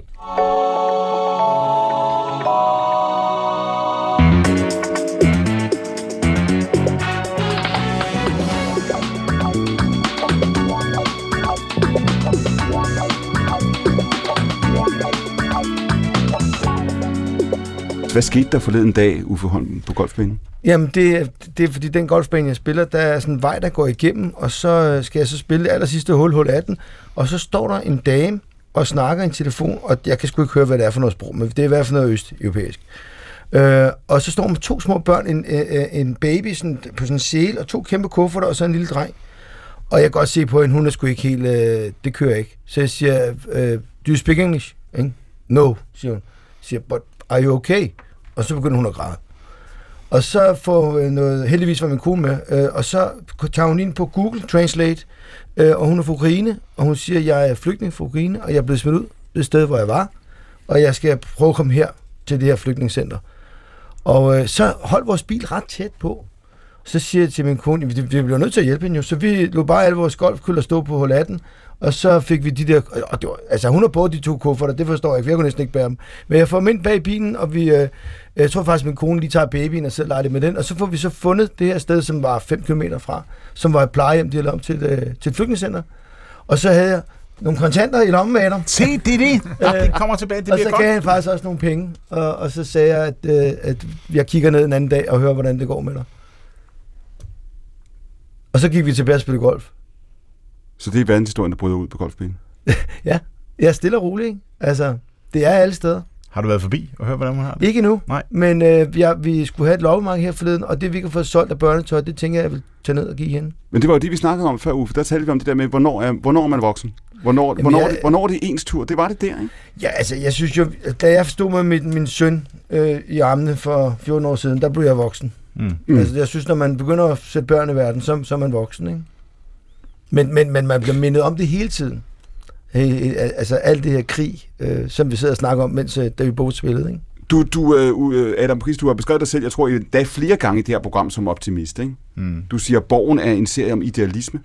Ja, det er i hvert fald en serie, som anskuer det politiske liv gennem et, et, et idealistisk prisme, kunne man sige. Men er der ikke, hvis jeg skal spille Jørgens advokat et øjeblik her, er der ikke også en udfordring i det? Altså kan den idealisme, eller den fremtidstro, eller den tillid til andre mennesker, og alle de her ædle motiver og den ædle tilgang, vi har, der er nogen, der vil sige, det er også en form for naivitet. Det er også en form for, for nu at citere øh, Anja Brugitær, malighed. Altså der er også nogle generationer her, der må se i øjnene. Øh, verden er ikke, som vi troede, men ved du hvad, den har ikke været, som vi troede. Fuldstændig, og, og jeg vil sige, det har vi så også i den allernye sæson øh, faktisk taget, taget stilling til, hvor vi prøver at gå ind i langtidseffekterne af magt, mm. og det er ikke så kønt et billede, der tegner sig. Så der har der faktisk været mere mørkt stof, for nu at tage lidt øh, fra Anja øh, til stede i, øh, i serien, end der har været tidligere, øh, og det synes jeg er, øh, en, var en rigtig vej at gå, men det var også en vej, hvor, som, som, som folk blev overrasket over, fordi pludselig var deres øh, gamle heldinde ikke helt den heldinde, som de havde regnet med. Er tiden af den pris ved at løbe fra lykkelige slutninger? Jeg tror i hvert fald, øh, jeg vil foretrække den ironiske slutning. Jeg tror, øh, der tror, det vil gå lang tid, før jeg tillader mig at springe direkte ud i den lykkelige. Ja, det tror jeg. Okay, det var det interessant svar. Ja. Jeg kan faktisk bedre lide den ironiske. Det er sådan, hvor der er blandet lidt forskellige farver i, øh, på tallerkenen til sidst. At det ikke er bare øh, det perfekte lille stykke otello men, øh, men der er rent faktisk noget i, som både er surt, sødt, salt og bittert, og Siger som det- øh, overrasker os forhåbentlig. Men siger det også noget om, også i de her år, du sagde, vi var diskuteret i, i, i tidligere program, jeg spurgte dig, om der er et eller andet kapløb mellem, kan du sige, virkeligheden, nyhedsstrømmen på den ene side. Hvor vild, hvor, hvor sindssyg verdenshistorien er, og så det, som historien og fiktionen gerne skulle komme, at gøre, for at få os til at gå hjem og tænde søndag aften kl. 20, fordi det er mere, det er mere spændende. Er, er virkeligheden blevet så spændende nu, er nyhedsstrømmen blevet så spændende nu, at den er blevet umulig at konkurrere med? Ja, det tror jeg. Jeg tror, at den, og, og den lykkelige slutning, medmindre vi taler en, en, en skøn Disney-tegnefilm eller en, øh, eller en romantisk komedie, så må man bare sige, at den lykkelige, lykkelige slutning har det største problem, at de fleste anerkender, at det er en løgn. Så det kan ikke fungere. Det vil blive opfattet som Det vil som blive opfattet som, og- ja, det bliver opfattet som en, som en, en, en smuk løgn. For Cordelia, du siger, du har tillid til den næste generation. Du tænker, ja. de, de, øh, de øh, får styr på det. De vil have styr på det. Mm. Hvad, hvad, skal, hvad skal man kræve af dig, nu er du fyldt 31? Hvad skal man kræve af jer? Vil I bidrage? Ja, altså, øh, man kan sige, vi er jo sådan den der lidt forarmede generation, der ikke kom ind på boligmarkedet i hvert fald, øh, hvis man ikke havde... Øh, og som stadig sidder og spiller Counter-Strike? Og som stadig sidder og spiller Counter-Strike. Altså, så øh, jeg vil sige, jeg tror stadig, jeg har stadig ikke råd til at have den livsstil, som vil være helt i konflikt med øh, det, som øh, Gen Z'erne forestiller sig skulle være vores fremtid. Så jeg, jeg, jeg er stadig klar til at marchere med dem. Det, øh, fordi jeg tror ikke, jeg, jeg, har ikke, jeg har endnu ikke privilegierne. Du ved, jeg har ikke engang nogen vaskemaskine. Så du siger, okay, så du siger, du har simpelthen ikke råd til at være, du har simpelthen ikke råd til at belaste planeten, ikke? Præcis. Jeg har simpelthen, jeg, jeg bor så småt og har gjort det i al min voksen, hele mit voksenliv. Så jeg, altså, jeg har ikke, jeg, jeg, jeg tror ikke, jeg har sådan en stor oplevelse af, at jeg bliver frarøvet en hel masse ting. Men har du det ikke meget godt egentlig? Tænker du ikke det? Jeg har det så godt. Det er fordi, jeg tænker, du er typen, der egentlig har det meget godt med at have en lejebolig. Og så længe der er lidt strøm på det. Nå, Ja. nå, nå, forstår du, du er 31. Ja. Jeg, jeg har lige sagt, du er voksen, når du står med et barn. Så skal du måske have en lidt større lejlighed. Mm. Men, men jeg synes jo, det er enormt, øh, det der med, jamen, du kan bare lege det, så skal jeg bare sige det op, og så om tre måneder skal jeg finde noget andet. Øh, jeg har leaser en bil, og så skal jeg bare sige den op, så efter en uge skal jeg have en anden bil. Det der, mine forældre, de havde bare det samme hus i sådan noget 40 år. Ja, og så gik de her pusset og Og malede så- på det. Ja, og, og så købte vi så et nyt, ikke? Men, men hvor 40 år, mand. Efter 8 år, find noget nyt, mand. Ud og opleve noget. Møde nogle nye mennesker, ikke? Men til Øh. gengæld arver du en kæmpe friværdi. Jamen, det har jeg sagt til dem. Den skal de bare bruge. Altså dine unger? Nej, min mor og far. Nå, okay. Jeg for helvede, de skal, de skal fyre den af. De er 71 begge to. Og de har alt for mange penge. Og jeg har bare sagt, I må se at købe noget bedre rødvin, Den der, kommer. den der generation omkring øh, 20 år gamle, de er jo bange, hvis de der fyrer den af, for de ved godt, hvad at fyre den af betyder, ikke? Ja. Jeg sidder også her og får nervøse trækninger. jeg synes altså bare, de skal give de der penge fra sig. Hvad, er, det, er det rigtigt, Frederik? Er det sådan, du har det, hvis du, hvis du vandt en million, så vil du give den væk? Øhm, nej, det vil jeg jo ikke. bolig, ejerbolig. så vil jeg sidde og holde på min kort, indtil det hele krakker. Hvor var det, du og dine kammerater var støtte på Uffe Holm i sin tid? Jamen, øh, jamen, jeg var kæmpe, jeg var meget starstruck, da jeg så mødte Uffe her tidligere, da vi skulle med ind i studiet, fordi altså, jeg er fra Køge Nord. Ja. Og øh, der, kom, der, der er ikke nogen, der kommer fra Køge Nord, som er særlig interessante. Men Uffe, han rendte rundt i Solrød Strand. Ja, ja. Det er som lige ved ligger- siden af. Som ligger lige ved siden af. Der ligger sådan en lille, øh, lille by, der hedder Jersi, imellem Køge ja. og Solrød Strand. Og øh, ja, vi synes bare, Uffe Holm var det fedeste. Altså, det var sådan noget pig patter og PGO-scooter og sådan, ikke? Altså, det var bare... Så vi, vi havde sådan en masse Uffe Holm DVD'er, som vi brændte og sendte rundt i skolegården. Og... Det var før nettet. Ja, nej, det var, det var samtidig med nettet. Ja, det er nok Altså, det. I brændte kopier af dem, det er det, du siger, ikke? Ja, I ja, brændte dem vi- ikke. Ja, selvfølgelig gjorde de det. Nej, vi brændte dem ikke af. Vi Nej, nej, Nej, nej, nej. distribuerede dem, sådan, så Uffe ikke Ja, det er fair nok. Det er, det er okay. ja. Det er sgu okay. Nå, hvor hyggeligt. Jamen, det er Ja. jo fantastisk. Ved du, hvem der også øh, lige fra Jersi? Det er Jon Dahl. Øh, ham Gud, ja. spiller han ikke også i Køge? Han øh, spillede i Køge, men nu er han så lige blevet noget, noget Blackburn-manager. Øh, okay. i, Vidste, vidste du, Uffe Holm, indtil det her øjeblik, at du var, du var, du var stor i Køge Nord? Ja. det, er det, er- det er lige så sted, jeg står. øh, sidste spørgsmål, Anja Andersen. Er du, er du, øh, vi diskuterede det før, nu, nu spurgte jeg Adam Prise før, at, at du, øh, har du tillid til de unge? Har du tillid til at sige, der, der sker et generationsskifte nu? Det her, det er en form for tideværv. Jamen, jeg har meget stor tillid til de unge. Jeg er formand for unge forskere, og øh, da jeg oplevede alle de der unge mennesker, som, som, hvor de får lov til at præsentere et forskningsprojekt, noget de selv har tænkt på, Mm. og når unge mennesker snakker vi altså folkeskoleelever, mm. ikke? så det er helt unge mennesker. Og de var simpelthen så fulde af gode idéer og gode løsninger, og havde fundet nogle interessante problemstillinger. Så da jeg gik rundt der i Øksnehallen og kiggede på alle de der mange hundrede gode idéer, så tænkte jeg, hold da op, nu kan jeg godt Så lade du er, mig ikke, du, pensionere. er, ikke- du er ikke bange for, at de forsvinder ud på nettet i hver deres fællesskab og hver deres øh, hobby? Nej, det er nogen, der vil noget, og det er skønt. Det siger professor Anja C. Andersen, hun selv ved siden af Frederik Kullager, som er internetkorrespondent i dag, 31 år gammel, ansat på Zetland. På den anden side, der havde hun Adam Prise, manuskriptmand, tv-mand. Hvordan præsenterer du dig selv? Underskriver du dig selv? Forfatter. Forfatter. Det tror jeg. Eller restauratør. Forfatter og restauratør. Og ved siden af Adam Prise, der sidder Uffe Holm, som er en stor stjerne, også i Køge Nord, er det ikke rigtigt? Præcis. Er du voksen nu, Uffe? Ja, desværre. Det er. Mit navn er Clemen Kærsgaard. I redaktionen sidder Siv Søby Rasmussen og Liva Elling. Producer er Sara Randeris. Redaktør er Amanda Heiberg Boberg. Og nu er der radioavis for det, der er P1, og klokken er to. Hvordan kan et menneske forsvinde, uden at nogen slår alarm? Det her er historien om en mand, der tog sit eget liv, men fandt aldrig ud af, hvem han var. Det vil jeg lave om på. Og hvis du hænger på, vil den ukendte mand lede dig videre ind i den kollektive og spirituelle bevidsthed. Jeg har set nogen, der er gået over på den anden side nogle gange, og det har været en utrolig smuk proces. Er der kun to stadier af menneskelivet, levende og død, eller er der alt muligt indimellem? Fik du hørt det ukendte? P1-podcast med Iben Maria Søjden. Lige nu i DR Lyd.